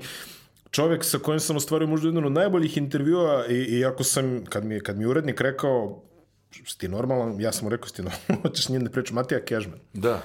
a, ko, koga sam ja u jednom tekstu nazvao arhineprijateljem svojim. I on, međutim, ja dođem upoznam sa čovekom, mi krenemo ovo pop levo desno, ja njega čak i pitam, kažem, dobro, ajde Matija, reci ti meni, što si ti moj arhineprijatelj? Da. I on me gleda, kaže, pa pet komada u pet derbija, šta, šta, šta da ti Ali radim? vidi, ti sad imaš tu na primjerima, ali ubiće nas predrasude prema nekim ljudima za koje nemamo pojma. Ne, ne, naravno. Znaš, ovo, i, i, ne samo, Ali, s to hoću da kažem samo, uh, shvataju se ljudi. I mislim da u u današnje vreme uopšte nije, nije toliko tragično da ti kažeš, ok, ja, ja sam taj i taj, ali uz dužno poštovanje svima što ti kažeš, išliš mi na zvezdu, išliš mi na partizan, normalno, Da, da. kad bi to ali bilo dobro. Pa pa da. Znaš, samo tako bi ali bilo dobro. I kažem, ubiće nas te predrasude i dvostruki aršini koji vladaju od naše situacije kako se mi nalazimo. I onda, ovaj, Ljudi, ljudi puno stvari kažu, ljudi, ljudi puno gledaju košarkaše, futbalere, sve to kroz prizmu što ono, oni doživljavaju, u svom životu. Tako je. Ljudi dole na terenu, najprirodnije da slaviš neki poen, najprirodnije da slaviš neki gol. Ti u tom momentu doživljavaš uh, vulkan u glavi. Mm. Mora to da izađe na neki način. Ako si strastven ili oko toga što radiš, ti ćeš to pokazati, ne treba zameriti nikome Koče ništa. ljudi tu svoju emociju, zaista, ali... Bogdan Bogdanović koji je na onoj pres konferenciji kaže neka vam igra Simonović u reprezentaciji, pa evo ga igrao je sa Simonovićem u reprezentaciji sve. Normalno, Mislim, normalno, je bilo, jel tako? Normalno, Pričali stvari. smo i ti i ja sa Bogdanom najnormalniji je čovek ovaj oko toga, ali eto, kad pukne kad se desi izliv emocija, desi se šta sad istolerišete ih i oni su ljudi, desi se i meni i tebe u kraju. I mislim pa, Normalno, komentatorima najviše. pa da. Treba ih razumeti, mislim da se kod nas sport generalno shvata kao e, život i smrti, nema sredinu i to je, takav je podneblje, tako smo vaspitavani, to ne vredi, drugačije se ne može promeniti, to nam je u kodu, Da. to ne može u genetici. Ali ja mislim da to mora da se menja, jer moramo da shvatimo da svi su oni želeli na svetskom prvenstvu u Kini da budu prvi. Niko nije htio da bude peti. Mislim, ne, ne razumijem. Ne, jasno je, jasno je. Desilo se to što se desilo, poraz, da li je... Znaš, i sad je tu veliki problem, uh, odmah mora da se nešto dešava u samom timu. Nije se desilo ništa. Evo, vidi koliko vremena je prošlo. Svi koji su mislili da, će, da se nešto desilo će iscuriti, nije se desilo. I ako je bila neka teška reč, to je potpuno normalno. I to je možda bolje da se desilo. Mm. Ili bi to bila neka varnica možda koja bi pokrenula celu situaciju, a ne da se onako kilo odigraju dva najbitnija meča koje su trebali da se odigraju najbolje. Uspavali su se malo i mi smo se uspavali svi sa njima, one, prije, one prijateljske utakmice pripreme zaista sjajne utakmice. Da li je potreban neki broj ili nije, nema veze. Jednostavno, povrede bi moglo dođi u prvoj i u desetoj utakmici nebitno je, što se možda kaže da nisu trebali da igraju utakmice da se povrede, e, ali odlične su utakmice bile. Onda one tri lagane u grupi. Svi smo se, ja mislim, bili uspavali i igrači i mi, ono, i što najgore, mislim da su oni pomislili u nekom, u nekom momentu da, e, lako je, samo mi istrčimo na teren, svi popadaju, mi samo pređemo preko njih i idemo dalje. Ne. A nismo naučili ništa na Španiji, što najgore. Kad smo naučili o Španiji da odigramo protiv Argentine, ja sam mislio sad će se prebuditi. To smo sve mislili. On je još gori. U stvari isti. Isti, Kako da. je naišao čvrst protivnik, kako je naišao protivnik koji ima dobre playmakere, koji ima dobrog centra, mi smo bili u velikom problemu. Tvrško Puljić, naš kolega iz Hrvatske, mi je poslao poruku, ja ne rado priznajem da je u pravu, zato što s nama, s nama dvojica, Da, da. ovaj, ratujemo na nivou Hrvatska, Srbija, ali u, ali u dobrom smislu. Naravno, naših naravno, godina, naravno, naravno. Čovjek je naših godina, ne razgovaramo o politici, već to naj, najbolje e, košarkaške ovaj, e, što su i priče i jedan drugog uvek, mislim, mogu da ispričam šta sam radio, sve nije bitno, uvek sam sreću ja imao da izlazi kao pobednik, tako da mi je bilo lakše, ali on mi je poslao poruku, u stvari napisao na Twitteru, pa smo nas dvojica nastavili e, porukama da se, da se dopisujemo. Rekao je pravu stvar, čim nađete na ekipu koja ima krštenog pleja i dobar centar, vi ćete biti u problemu. Ne možete igrati oko visokih igrača, sa Jokićem na četvorci i sa, ne znam, ovim e, Radujicom na četvorci, to teško vam ide i kaže do sad ste, ja kažem, a Italija, a ove pripremne utakmice, ma kaže, Italijani su druga liga u ovoj, u ovoj situaciji, kaže, mi bi ih dobili, a ovaj, ovo vamo, kaže, pre što ste igrali, to su ipak pripremne utakmice gde svi nisu igrali puno snagom. I bio je potpuno u pravu. Ja sam posle poruku, poslao poruku i svaka ti čast, mislim, ja sam znao da je to to, jer od početka Kine ja govorim da imam loš predosećaj, i uredniku Zokiju Markovića sam rekao da je loš predosećaj, on me gledao čudno kao odakle ti ideja, vidi kako je ekipa? To do duše i pre onih povreda sam imao neku mm, lošu ideju i nisam ni teo da putujem u kinu jer je naporno i loše i organizacija je loša, čitav šampionat je loše zamišljen i onda se ispostavilo da sam pogodio, nažalost ne volim da budem taj pametan na kraju, ali Nema veze, prošlo je dovoljno vremena i mislim da se ponovo. Drago mi je što si rekao da nije bilo apsolutno ništa. Eto, ja sam ovaj, sa kolegom Minićem sam bio u kontaktu svaki dan, on je bio s E, bravo. tobom u, u Kini. Bukvalno, Ivane, se desilo nešto? Nije. Nije. I onda ja to kažem ovdje u podcastu, imali smo redovan svaki, ovaj, svaki drugi dan smo imali, ispratili smo cijelo prvenstvo, ali svaki put sam te da kažem, nije, nije, nije. U krajnjoj liniji, ako se nešto i desi, desi se šta? Desi se teška reč, hvala Bogu, ekipa je 12 ljudi, neko možda nije zadovoljan nečime. To su 12 ljudi koji su svi manje više zvezde u svojim klubovima.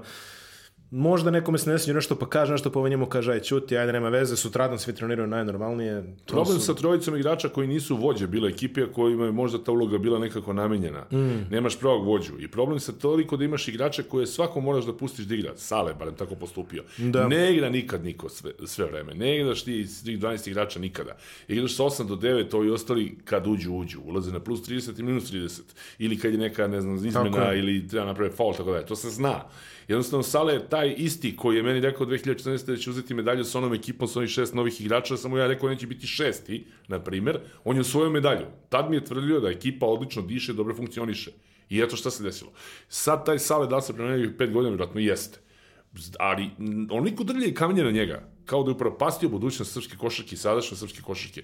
Kriv jeste, ja kažem uvek, biraš tim, biraš igrače, imaš pripreme, imaš Samim utakmice, vodiš to. za Na kraju si odgovoran. Snosiš, snosiš konsekvence. I snos, mi, Normalno, on je podneo. on je podneo konsekvence, otišao sa mesta reprezentacije, ugovor mu isticao by the way, To- to nisu znamo, pričali sa njim o produžetku, nikog ništa nije rekao, ni nagovestio, i on je rešio, kaže sam pre finala da ode, ne znam da li jeste ili nije, nije bitno, to je njegova rečenica, i on je govorio i o Kaliniću, i o Nedoviću, jer sad ako nekom nije dovoljno te odgovor, pa onda mora ga pita ponovo. I onda mora traži neku teoriju zavere, zašto je to dalje politički ili nije i tako dalje. Jednostavno, ja sam uvek verovao u odluke selektora. I on na kraju je glavni odgovornik. Niko drugi nije odgovoran. Samo selektor, a onda igrači. Zašto ti igrači tako nisu igrali kao što si ti zamislio, to je tvoj problem. I onda jednostavno, ali toliko drlja i kamenja na čoveka, mislim, bez potrebi na sve igrače. Ne, slažem se jednostavno, sale, nacionale, uvijek bio i bit će, hvala, vrati nam se ponovo, možda Tako u nekoj je. situaciji bude selektor ponovo. Ništa nismo radili od 2002. do 2007. da Duda nije osvojio, 2009. sedam godina ništa nismo uradili da Duda nije osvojio srebro sa ekipom u Poljskoj na Evropskom prvenstvu i onda pauza do 2014. Da. Isto ništa nismo radili, se sam nije pojavio. Tako I onda tri medalje za četiri godine. Jeste da smo možda mogli osvojiti i bronzu protiv Litvanije, jeste da smo možda mogli osvojiti finale protiv Slovenije i da smo ove godine mogli biti prvaci. Bronza protiv Francuske. Protiv, e, ili Francuska. Da. Litvanija je bila 2010. Dobro, Da. da. izvinjam se, Francuzi, Da, upravo da. si. Uh, I onda jednostavno, to su sve stvari koje smo možda, možda smo mogli, ali tri medalje za pet godina, kad uzmeš, nije mala stvar. Nije, uopšte. nije, nije. Jednostavno, mi smo kao navikli da smo svetski šampioni svuda, pa To nismo. smo navikli ti i ja, ali ove, ove, Nismo, jednostavno. mlađi što nailaze, mislim, ono, Znaš, jednostavno nismo. I tu, tu mislim da je u Kini bila greška što su svi očekivali zlato. Ja sam upozoravao sto puta, nije to tako lako, ne može se. Španija je nekako išla ispod radara. Potpuno su bili podcenjeni u svim onim na početku kalkulacijama i predviđanjima. Španci su išli ispod, jer stvarno imaju 3-4 odlične igrača, ovo ostalo su sjajni igrači, ali nisu najbolji, ova trojica trojica zna, i ovi, rade, ovi ostali rade za njih. pa da. Zna se. I tu smo videli da čas su nam održali Rubio i, i Ljulj. Znaš, moraju... Jer vidi Skariolo kako je sjajno odradio tu utakmicu. Da je nastavio onako da radi kao što je radio prvo polovremenu. Mi vodili 20 razlike na polovremenu. Da, I to je bilo gotovo. da. Nego je video koliko je sati, pritisak na sudije tehnička i onda je počeo da menja odbrane. On je odbrane, ja mislim, menio u svakoj odbrani. Tri, četiri puta je menio, to treneri bolje znaju i videli su više od mene. Ali je menjao odbrane kao na traci i mi potpuno nismo znali u momentu šta, šta radimo. Ja sam ih prepoznao nekoliko, vidio sam i zonu 2-3, vidio sam zonu 1-3-1 i vidio sam da su stali četvorica čovek, jedan zonu, kad sam vidio Riki Rubio stoji, stoji Bogdanu ovako ovde. Stoji ispred njega, ne gleda ništa okolo. Bogdanović stoji u ćošku, ovaj stoji ispred njega ovako i gleda ga u lice. Gleda mu oči da vidi gde će ovaj da krene. Znaš, I ja sam onda, tad sam vidio stoje četvorica u zoni, jedan čovjek, i to mi iznenadilo, to nisam vidio 100 godina na nekom prvenstvu da odigrao. Španija to nije odigrala na celom prvenstvu, u pripremi nije odgovorila, ni na kraju, do kraja nisu igrali ni jednom takvu odbranu. Da, Boxer One, oni, da. Eto, znači Proučio je to. Da. Šarni četvrt veka sa reprezentacijom sledeće godine će, će biti, u suštini. tako? Da. da, joj, Ovaj, da, joj. U tih ovaj, 25 godina, čega se, uh, sad si ispričao ovu epizodu iz Kine, čega se najradije sećaš, a čega najmanje rado?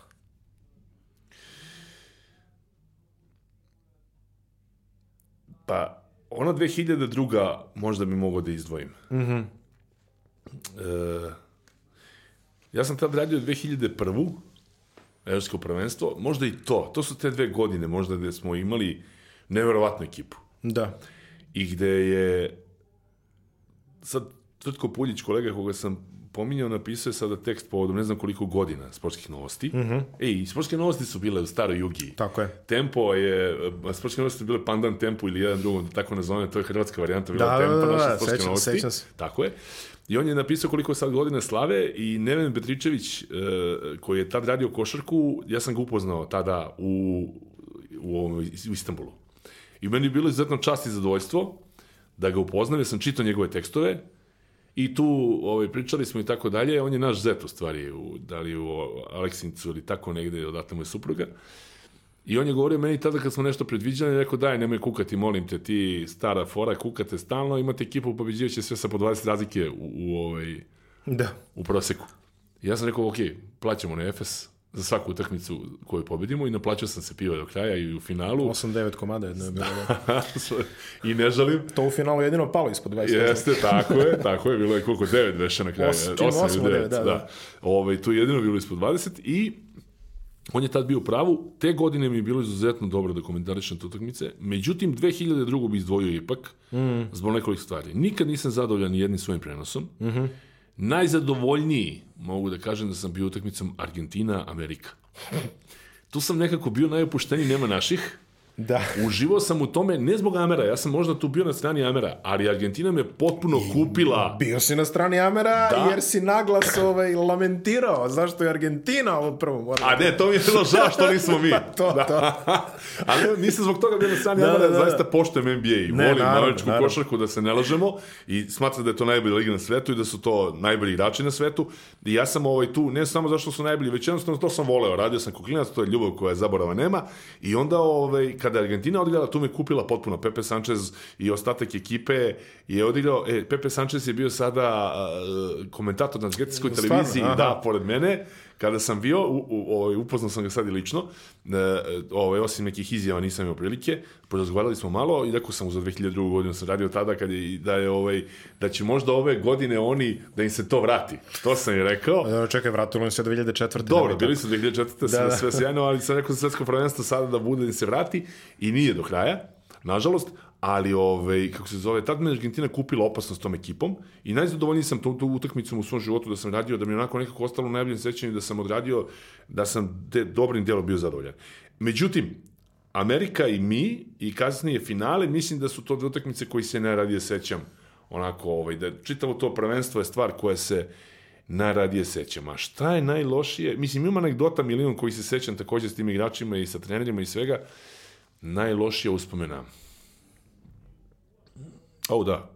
Pa dobro, da izaberem iz ličnog tog perioda, to je Evropsko prvenstvo u Litvani 2011. Mm -hmm. A, moja majka je bila bolesna tada i, ovaj, i mislim, znali smo da je teška situacija. Slična situacija kao sa Vasom Icićem je bila. Mm -hmm. I, ovaj, I ona je preminula tokom prvenstva, ja sam se vratio kući, eto to prvenstvo onako, trudim se da ga zaboravim kompletno, jako ga znam. Da. Od utakmice. Utakmice, međutim, Tijanić je tada postupio potpuno neočekivano, on je rekao, e, pošto sam ja već godinu dana i nešto znao da će se to desiti što se desilo, on je rekao da isto sličnu situaciju imao svojim ocem i da je mnogo lakše mu bilo da radi. I već, jer sam ja preplakao i prekukao sve to godinu dana što se desiti, i onda mi je rekao, probaj da skupiš snagu, da vidiš da li možeš da se vratiš u Litvaniju i da radiš utakmice do kraja, vidit ćeš da će ti biti lakše i radit ćeš odlično.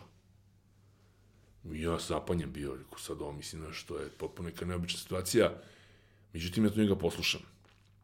Jer kažem ti, ja sam već znao će se Da, da, da, to da, je da. bilo godinu dana borba i ovaj, ja vratim se, pauziram te utakmice, radio Miloš iz studija, Krivokapić, i ja sam onda ovaj, vratio se tamo i radio do kraja i ovaj, izuzetno mi je bilo lakše, moram priznati. Moram da priznam da mi je bilo lakše.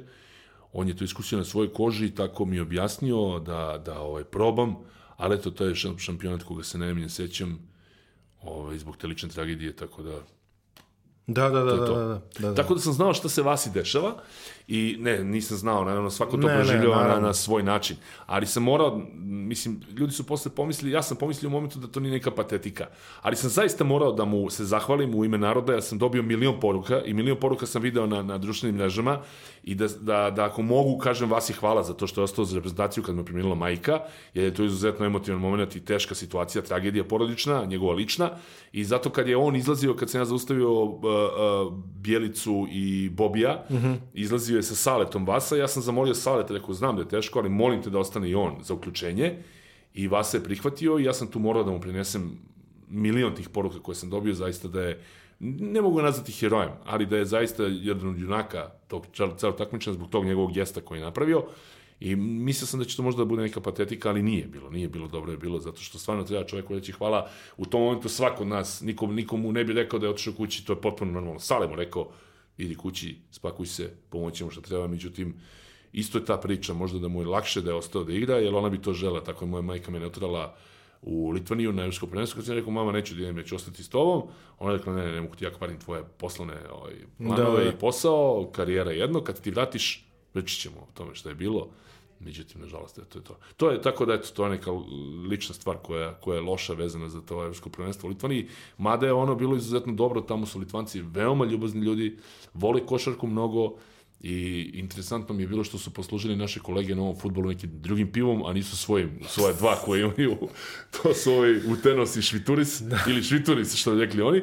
I moramo da objasnimo ljudima da oni vole pivo izuzetno, Da. više nego mi ili bilo ko. A mislim da, su- imaju najveću prosječnu konzumaciju alkohola, ne piva, nego Da, alkohola. nisam izašao uveče u kafić ili negde da to nisu bili ili muškarci ili žene sa čašom od pola litre, svako od njih. Mislim, vole pivo izuzetno, ne kažem da su ono pijanci i ostalo, ne, daleko od toga, ali ima kult tradiciju pivo ima tamo sigurno i baš bilo interesantno ono strano pivo koje je Pavle pomenuo koje sam vidio na, na, na Twitteru, Pavle Knežević, Da. Oj, kao da su im poslužili drugo pivo koje je strano, inače, by the way, ne znam da li je sponsor takmičenja možda, ali oni imaju svoje dva dobra piva. Eto, nakon svih tih, nakon četvrt veka s reprezentacijom, ovaj, koje, koje igrače, trenere možda bi oko želo da izdvojiš, ovaj, da pričaš o njima, jer def prošlo je tu ono svačega, što bi se reklo. Da.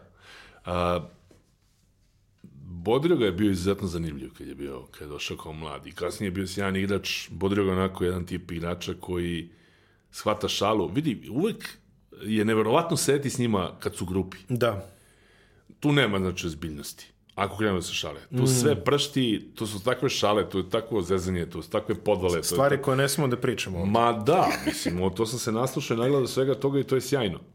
Ove, I Sale Đorđević je zaista bio izuzetan igrač. I sad je kao selektor to uradio što je uradio.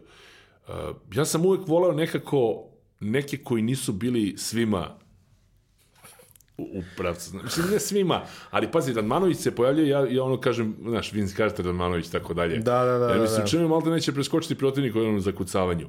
Onda sam imao Miću Berića, Mića Berić mi je bio omiljen iz Partizana, to ne mogu da, Da. shvatim zašto zbog njegovog šuta ili tako dalje. Jednostavno, Super je Mić. Znaš, neki, ne samo one koji nisu bili prve zvezde, već jednostavno tako neki igrače ko, koji jesu bili dobri i jesu bili zvezde, ali imao sam tako neki put da su uvek zakačeni. Dejan Tomašević mi je bio interesantan i u Zvezdi i u Partizanu, vrlo interesantan igrač. E, Milenko Topić mi je bio onako, znaš, Bole isto, Bolić mi je bio izuzetno, izuzetno interesantan igrač. Milanko Topić kad krene da priča, pošto se to ne dešava prečesto. Ja ga privatno znam, naše supruge se druže, tako da se, da se znamo. Ovaj, Topi genijalac jedan, vidi, to je onaj, ja kažem, to je tihi ubica. On može ti ubaciti 30 komada da ne trepne i da ne znaš odakle se desilo sve to i 10 skokova uz to. Izvini, moram te prekinem kod Kaži. Topića, ali ona anegdota, ne znam da li ti je Darko Russo pričao Za? u, u Atlanti, kad se ovaj, e, u Atlanti, pošto je Topić išao kao 12 igrača, nije da. u Atlanti. I ovaj, prođe pripreme, prođe sve i kaže, ovaj, da li Ruso? I mislim da mi je Ruso Kuzma mi je pričao da mu je Ruso pričao. Pa sad kaže, Ruso, idem nekim hodnikom ovaj, dugačkim u po noći i vraćam se od nekod i idem čujem za sebe nepoznat glas. Kaže, Darko, ja se preseku, kaže, ko ovo može da bude. U stvari, ne to, je, to je Milenko Topić koji se prvi put oglašava tokom celog kap i nepoznat mu je glas. Kaže, kaže Dar. Tako da... ovaj, A, za, za, ja sam čuo isto za Joela Vukosavljevića da je bilo kad je bio u Zvezdi, kad su očeli na pripreme. I sad svi imaju masaže, imaju piju lekove, imaju sve živo. Ovaj, a Joe jedini radi 15 dana, ne oglašava se. Znači, tišina, ono, svi imaju Ne, to- upale, svi padaju mrtvi. I nekoga pita kao Joe, kao kako je? Pa on kaže, dobro, samo malo me bole noge. Možeš misliti koja je to upala bila, ali on je čutao, čovjek navikao je tako. Da. Ostali tu masaže, tu ovo, to ono, a on je ovaj, eto kao, bolo me noge. malo. Topko, eto, što kažeš tihi ubica, Da, bukvalno. da, ovaj. da, da, da, da, to je Bjelica taj igrač, znaš, ne Da. pričam mnogo, ne menja izraz lica, da li promaši, da li da trojku, da je 20, da je minus 20, on je isto, ima fokusiranje na to i nema, ne, kažem ti, uvijek nekako ti igrači, Radman mi je bio omiljen, pa ovaj, Rakočević mi je bio onako u mlađim danima posebno interesantan igrač. Šta znam, ono, nisam uspio da vidim, Gr- Grba je bio, Grbović je bio izuzetan, Nakić u Partizanu isto, uh, Paspalj, Divac, ta ekipa, Đorđević, to je bila fenomenalna ekipa. To gledati u hali sportova, ja sam Mhm. gledao protiv Makabija, protiv Barse, jedan pot protiv, ne znam koga su još igrali u Ligi šampiona te godine. Kantu je bio Kantu je finale dolazio, Kupa tako Korać. je, Korać je bio, tako je, Makabi, sećam se Toma, Toma koji je bio, ta nije bio ni domar u, u hali sportova, kasnije je bio i kod nas. E, mogu da kažem kako ga zovu, da ispadne netolerantan. Toma Ciganin ga svi zovu, mislim, zašto čovjek je rom, mislim, da se, Da, ne, da se ne da, lažem. ne, ne. Toma Ciganin, svi ga znaju kao tako, Toma Ciganin, kad kažem Toma, niko neće znati. E, on je mrtav ladan, ja mislim da je bio Doran Đamši, kad je pao nešto ispod koša, on je sa onom krpom s kojom briše parket, došao njemu da obriše lice, pošto je ovaj nešto udario u konstrukciju, onaj sunđer. Mislim, to su stvari koje se ne zaboravljaju i, i, i, i znaš, ja sam kasnije trenirao u hali sportova interesantno, imali smo Marlboro odbranu. Ljudi nisu imali pojma šta je Marlboro odbrana, Mala broj odbrana je kada mi iz kompletne odbrane ili zone iz čoveka okrenemo se i sve usmerimo njih u levo njihovo. Da. Protivnik u levo. Jer je u Havi sporta bio propao parket tu. U jednom momentu da je Marlboro bila nalepnica koja se izlizala.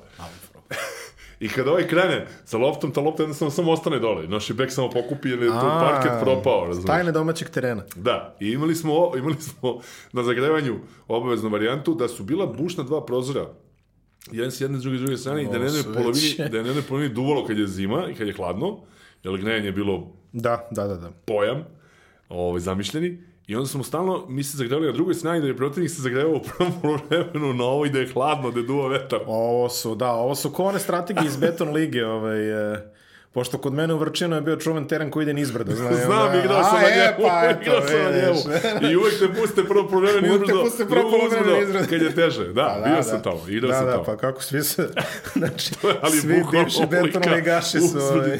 To sam prošao sa pratinskim putem. Yes. su prošli ta veselja ovaj, Da. Beton Lige, tako da eto, definitivno. I ovaj, šta, za kraj, pitanje koje, ajde neću da kažem, nisi kompetentan da ga odgovoriš, ali moram tebe da ga postavim.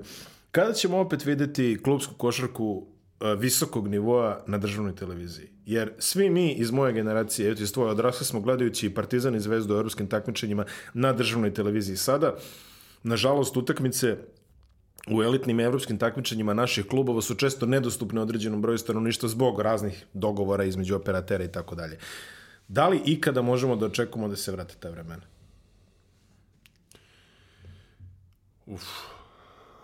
Što se mene tiče, vreme za to je juče. Da. da. Znači, što, je, što se mene tiče. Mislim, bez uvrede dotičemo operaterima Ne, i ne, ne, ne, njihovim... ne, ne, ne, ne, Naravno. ne, ne, ne, nikom ništa... Uvijek naš narod ima dobre stare izreke i poslovice. Koliko para, toliko muzike. Tako je. Da li ima para ili nema para, ne znam. Zašto smo se mi u nekom stanju zaustavili kupovini tih te prava za košarku, ne znam ni to. Znam da je ogroman novac u, to, u, u svemu upetljan i da, da neki imaju odakle da, da ga uzmu, neki nemaju.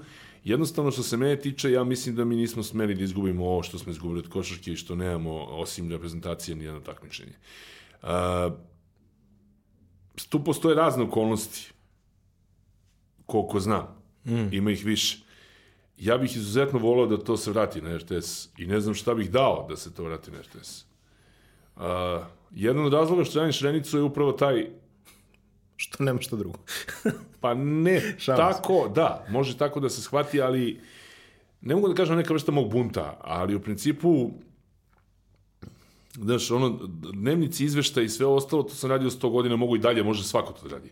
Ali komentarisanje utakmice koje sad nemam da komentarišem do kvalifikacije do kvalifikacije, od kvalifikacije do kvalifikacija, je iziskivalo da ja nešto u svom životu menjam, da nešto počnem da radim. Kao što sam s trećeg kanala otišao na prvi, drugi, tako sam ovog puta odlučio da prihvatim tu šrenicu posle nekih 10-15 dana razmišljanja i konsultovanja s prijateljima i sa porodicom i, sa, i sam sa sobom sam na kraju donao odluku, niko od njih nije mogao da utiče na to, naravno.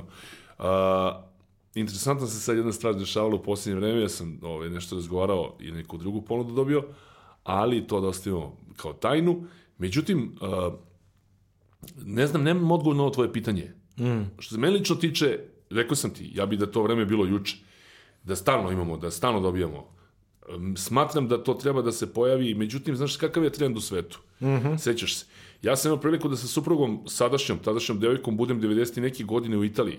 Pazi kada je to bilo. Da. A, ona je igrala za Parmu, potpiše, ja sam otišao na 15-20 dana kod nje, da ti ne pričam o tome da sam u- hteo u prodavnici kupim Kaže- sve, jer kaže- tad kod nas nije bilo ništa. Dobro, kaže ljudima, mislim, ko ti je supruga A, da se... Anđelija Arbutina, šarenac danas, ovaj, košarkašica, ostali, jeste da. jedna od najpoznatijih u to vreme, najboljih tako kažu, Mislim, ja neću neko da ne tvrdim. zna, jel? Jeste? Neka nađu špici pod jedan SOS kanala i onda nadalje. ovaj, šta je radila? Uh, jednom je Zvezdi ubacila 62 poena na utakmici kad je za Bečej. To se seća. 62 je dala u Bečeju, u Beogradu Mislim, dala nisam pratio, 30. ali bio naslov. Da, tako da. Ovi svi standing ovations u dvorani, ja sedim kao kreten na polovremenu, kaže, ovaj čita 35 dala. I ja kažem, ma nemoguće, to su ovi promašene u zapisniku. 62 na kraju. Imam VHS. Kad god krenem da brojim te košove, zaspi na pola. Uglavnom, a, hoću ti kažem da, da smatram da to nikad nije trebalo da s televizije, međutim, tendencije u svetu su takve da se otvaraju sportski kanali, kablovski kanali, tako koji je. dolaze do tih prava prvenstava, kupovine, vezani su sa pojedinačnim sestrinskim firmama, vezani su sa kakvim fondovima, vezani su s nekim državnim firmama, mi imaju pare odavde, odande, nije bitno. Ali, e, te 90. neke sam i otišao u Italiju, spremio se da gledam Calcio, mm -hmm. seo, skupio sve grickalice, nedelja, ja Raj Uno, Raj Due. Novantesimo minuto. Da, to je samo bilo je ok, samo na bilo- tesimo minutu u redu, Da, ali nema futbola nigde. Nema. I onda se vraća treninga i ja kažem, jel utakmice, gledao sam utakmice ovaj trening i ja kažem, čekaj, gde je Raj, gde je Calcio, gde je futbal? Nema kao. To na Sky odanda. Berlusconi, tako je. Media set onda... Tako je. Kupio Berlusconi per per view varijanta, možemo kaže mi na kablovskom operateru okrenemo telefonom, oni nam puste utakmicu, naplati mi na račun, dodaju ne znam koliko para, da bi mi gledali taj meč sam jedan mm. i tako dalje, tako dalje. Ja sam, znači, tad se upoznao s tim da postoji takva tendencija da će to doći kod nas. Tada je samo na daju ostala muška košarka koju su kasnije izgubili, pa ostala samo ženska reprezentacija koju su isto izgubili pa su vratili mušku košarku među vremenu, pazi oni nisu imali reprezentaciju. Da, to. E, i onda smo mi ovaj, došli u tu situaciju da se to javlja u Srbiji. Nažalost, tako je. Po moju žalost je tako. Na radost mnogih, verovatno da je tako. A, ono što je interesantno, znaš za ovaj futbol koji mi nemamo, to je Evropsko prvenstvo, je kompletne kvalifikacije, Ovaj, I to je kupljeno za tri zemlje. Sport klub je tu uzeo za Hrvatsku, za Sloveniju, za Srbiju, za mm -hmm. veliki novac. Moji su ponudili ogroman novac tu da, da bide u kupovini prava. UEFA je dozvolila da se mešaju kablovski operateri i kablovski kanali od pre dve godine, ja mislim, za kupovinu. Da. Do tada nije, samo je davala nacionalnim frekvencijama. Nije bitno da li je to Pink, da li je to O2, Bile su je... kvalifikacije na Pinku, jedne Tako je, ono, Da, to da. nije bitno ko je njima je bitno da je to nacionalni emiter da pokriva ceo, celu teritoriju Tako je, zemlje. tako je. To je bilo bitno u EFI, a ovo ostalo nije. E sad su oni krenuli varijantu. Mi sa FIBom, odnosno sa agencijom koja predstavlja FIBu imamo ugovor, ja mislim, do 2021. godine. Šta će tada biti? Nisam siguran, ne sam dovećam. Pošto je sport klub onako uleteo u preno, mislim prenosili Radi se, su. da, sve ovo ostalo samo ne da naše utakmice i tako dalje. Da, da. Ljudi očigledno imaju novce i jedni i drugi kupuju ono što im se hoće, može. To narod hoće. teško je zadržati se na tome da, mm -hmm. da ti sad obuzdaš taj novac koji je nažalost porastao. Pazi sad situaciju. Uh, neć, ne znam da li znaš, ali Dušan Mitević je bio direktor televizije. Mm -hmm. U to vreme su se po Beogradu kopali kanali razni da se postave telefoni, uvodili se telefoni i tako dalje i još ne znam šta. On je tražio da se ostavi jedna linija da će u budućnosti biti kablovski sistem RTS. Mm. Tih godina. To su znači ni do 80. Da. Tih godina je on već razmišljao da se ostavi jedna linija da bi tu trebalo da prođe, da ne smeš kablo imati preko zgrada kao što su bile kod nas, nego moraš imati Podzemno. zemlju, podzemlju. Tih godina je on već ostavio to. Druga stvar koju sam htio da kažem, uh, vezana za, za televizije, za kablovske operatere, da, je, uh, da su Hrvati imali dobar, dobru ideju pre, par, pre dobar deo godina, kada su videli da se pojavljuju kablovski, kablovski sportski kanali i- koji rade na regionu XU, oni su htjeli da sa nama Slovencima naprave zajedno agenciju koja bi bidovala za različita takmičenja za TV prava u ime sve tri zemlje. Mm. Što mislim da je odlična ideja bila. Naravno, nije da. Se našla na kraju politički i tako dalje, nije se moglo, međutim mislim da je to bila prava ideja da se zajednički nastupi sa većom količinom novca za ceo region, što sad rade kablovski operateri Da. i u Sloveniji, Hrvatskoj, Srbiji, i Crnoj Gori, šta znam gde se prostiru. Tako da, nažalost, kažem ti, moja izuzetna želja da, da budu klubovi na RTS-u i da radim i Zvezdu i Partizan, ali sad, znaš, znaš kako će se desiti? Nešto se bojim da će se to vrlo brzo nama vratiti košarka, da vi, mi više nećemo igrati ni Evrokup, ni, ni Evroligu. O tome smo imali dovoljno Znaš. reći ovde u ovoj emisiji. Mislim da, da, da. Doduše, ja pamtim ovaj tvoj intervju ovaj iz 2001. kad si rekao ovaj da ćemo vrlo brzo da odemo na izbrodo koji si dao za košarkaški polter Eurobasket, ako se, Tako je. ako se dobro sećam. Tad je počinjala Jadranska liga, pa je bila Tako je. kritika zašto u budućnost e, igra i ovo i ono, nek se odluči i tome slično. Drago mi je što se toga sećaš i Tegelti je to isto govorio i ja isto s njim da smo da ćemo tići u problem veliki. Ne samo to, nego pogledaj danas koliko stranaca ima u Zvezdi Partizanu. Pa, da. Znaš, i gde su ta deca koja će jednog dana zajedno igrati? mogu da, ne mogu, falilo bi im da sklope jednu selekciju. Da. Mislim domaći igrači. Da, da. I onda posle ćemo se pitati gde su domaći igrači da igraju za reprezentaciju. Ne moraju da budu Zvezdi Partizan, ok, nek budu Megi, nek budu bilo gde, nek budu Borcu, Čačka i tako dalje. Ali ne vodimo računa dovoljno mladim igračima, znaš na koji način? Mm. Na taj način što gasimo klubove po... Ne gasimo ih. Sad su se pojavile škole košarke koje žive od novca koji Tako plaćaju klinci da bi Da, igrali. da. E, od toga žive i to im je dovoljno. Ali ako uzmeš nekog igrača iz neke manje sredine, plati ga koliko je realno. Da bi taj klub mogao da proizvede drugog. A ne da mu ga ovog otmeš na prevaru ili da platiš nešto malo da ovaj ne može platiti članinu za salu za pola godine. I onda završi priču. Da bi ti on napravio nekog drugog Slobodana Šrenca kog si ti taj kupio, daj mu neki novac koji je realan. I onda će on moći da napravi novog igrača, moći da plati trenere, moći da radi, da ima novac, da ima satisfakciju. Ako ne daš novac, ako se on osloni samo na, na lokalnu samupravu koja treba mu da novac ili na neke sponzore koji mu daju i ne daju, to je veliki problem za sve male klubove koji ne mogu da prežive, da bi Enorman. tebi prodali igrača sutra, da bi ti Enorman. napravio sebi igrača, da bi ga preprodao i dobio dobar, dobar novac, da bi on na kraju krajeva igrao za. Nema drugog recepta ni jednog. A ovo se ne vodi više računa o tome godinama, a rekao sam ti da smo mi i Hrvati i Slovenci imali po jednog predstavnika u Euroligi, da na kraju nećemo imati ni jednog. To sam i tad rekao 2001. Osim ako ne osvoje Evrokupa, tad će imati ono jednogodišnju turneju ovaj, e, po, po, po Đordijevim ovaj, klubovima, tako da da, potpuno si upravo. Jordi Betomeu, čovjek koji je do savršenstva doveo priču o štapu, kanapu, šargarepi i magarcu ili konju. Šta. Apsolutno. A sve je počelo tako što jedna silazna putanja nije svirena. Ovaj. Podsjeti me. A, Barcelona, Panathinaikos. Mislim, nije sve počelo A, da, tada, naravno, da, da, ali, da, da, da, ali, dobro, ako, dobro, ali dobro, ako dobro. te noći nije rekao, e, znate šta, sad, Sad je dosta. Sad je dosta. Da. Ove, da podsjetimo, gleda, radi se o finalu Panathinaikos Barcelona iz, čini mi se, 96. Stojko Vranković. na tom Stojko? Vranković, Da, tako je, koji ovaj, da. Banana koja je bila lupta. banana koja je bila silazna. I nije bila, i bio je, ne, nije, bila je priznata banana, banana je bila priznata. Tako je, da, da, da. Tako. je. Vranković igra za Panathinaikos. Možete za naći to ove- Stojan Vranković. Stojan Vranković, možete to naći ovaj na, na YouTube-u, taj kontroverzni moment eh, gde je Panathinaikos prvi put postao prvak Evrope. Ali ajde, da ne dužimo dalje, došli smo i do kraja ovoga. Ja vas još jednom podsjećam da se prijavite na nedeljni Mondo ovaj, sportski newsletter koji možete vidite Uh, čiji link možete vidjeti u opisu ove epizode, a Šarani tebi ovaj, želim da sledeće leto provedeš radno opet u ovaj istočnoj Aziji. Pre, pre, pre toga na nedefinisanoj lokaciji, ali ovo ovaj, juli i avgust želim da provedeš u istočnoj Aziji. Da, da objasni ljudima zašto. Zbog olimpijskih Zbog igara. olimpijskih igara, da, samo da se kvalifikuju jedni ili drugi, onda se može očekivati da budem tamo, ako ne, onda će ovaj, opet biti, sad ako se kvalifikuju, bit će kuknjiva, zašto novinari RTS-a idu u tom broju, ali ako se ne kvalifikuju, vjerojatno ćemo raditi ostale mečevi studija. Ali, dobro, hvala. Hvala ti na Hvala gostovanju. Hvala se tebi. vidi. Nisam ti ispričao za Hrvate, to je dobro što sam. Šta? Pa, stalno ja s njima, znaš, imam neke tako zezalice i zezam ih i tako dalje. Sve u, sve u Brajdić U roku je službe, tu. da, da, da, da. Brajda je tu, tu je Puljić,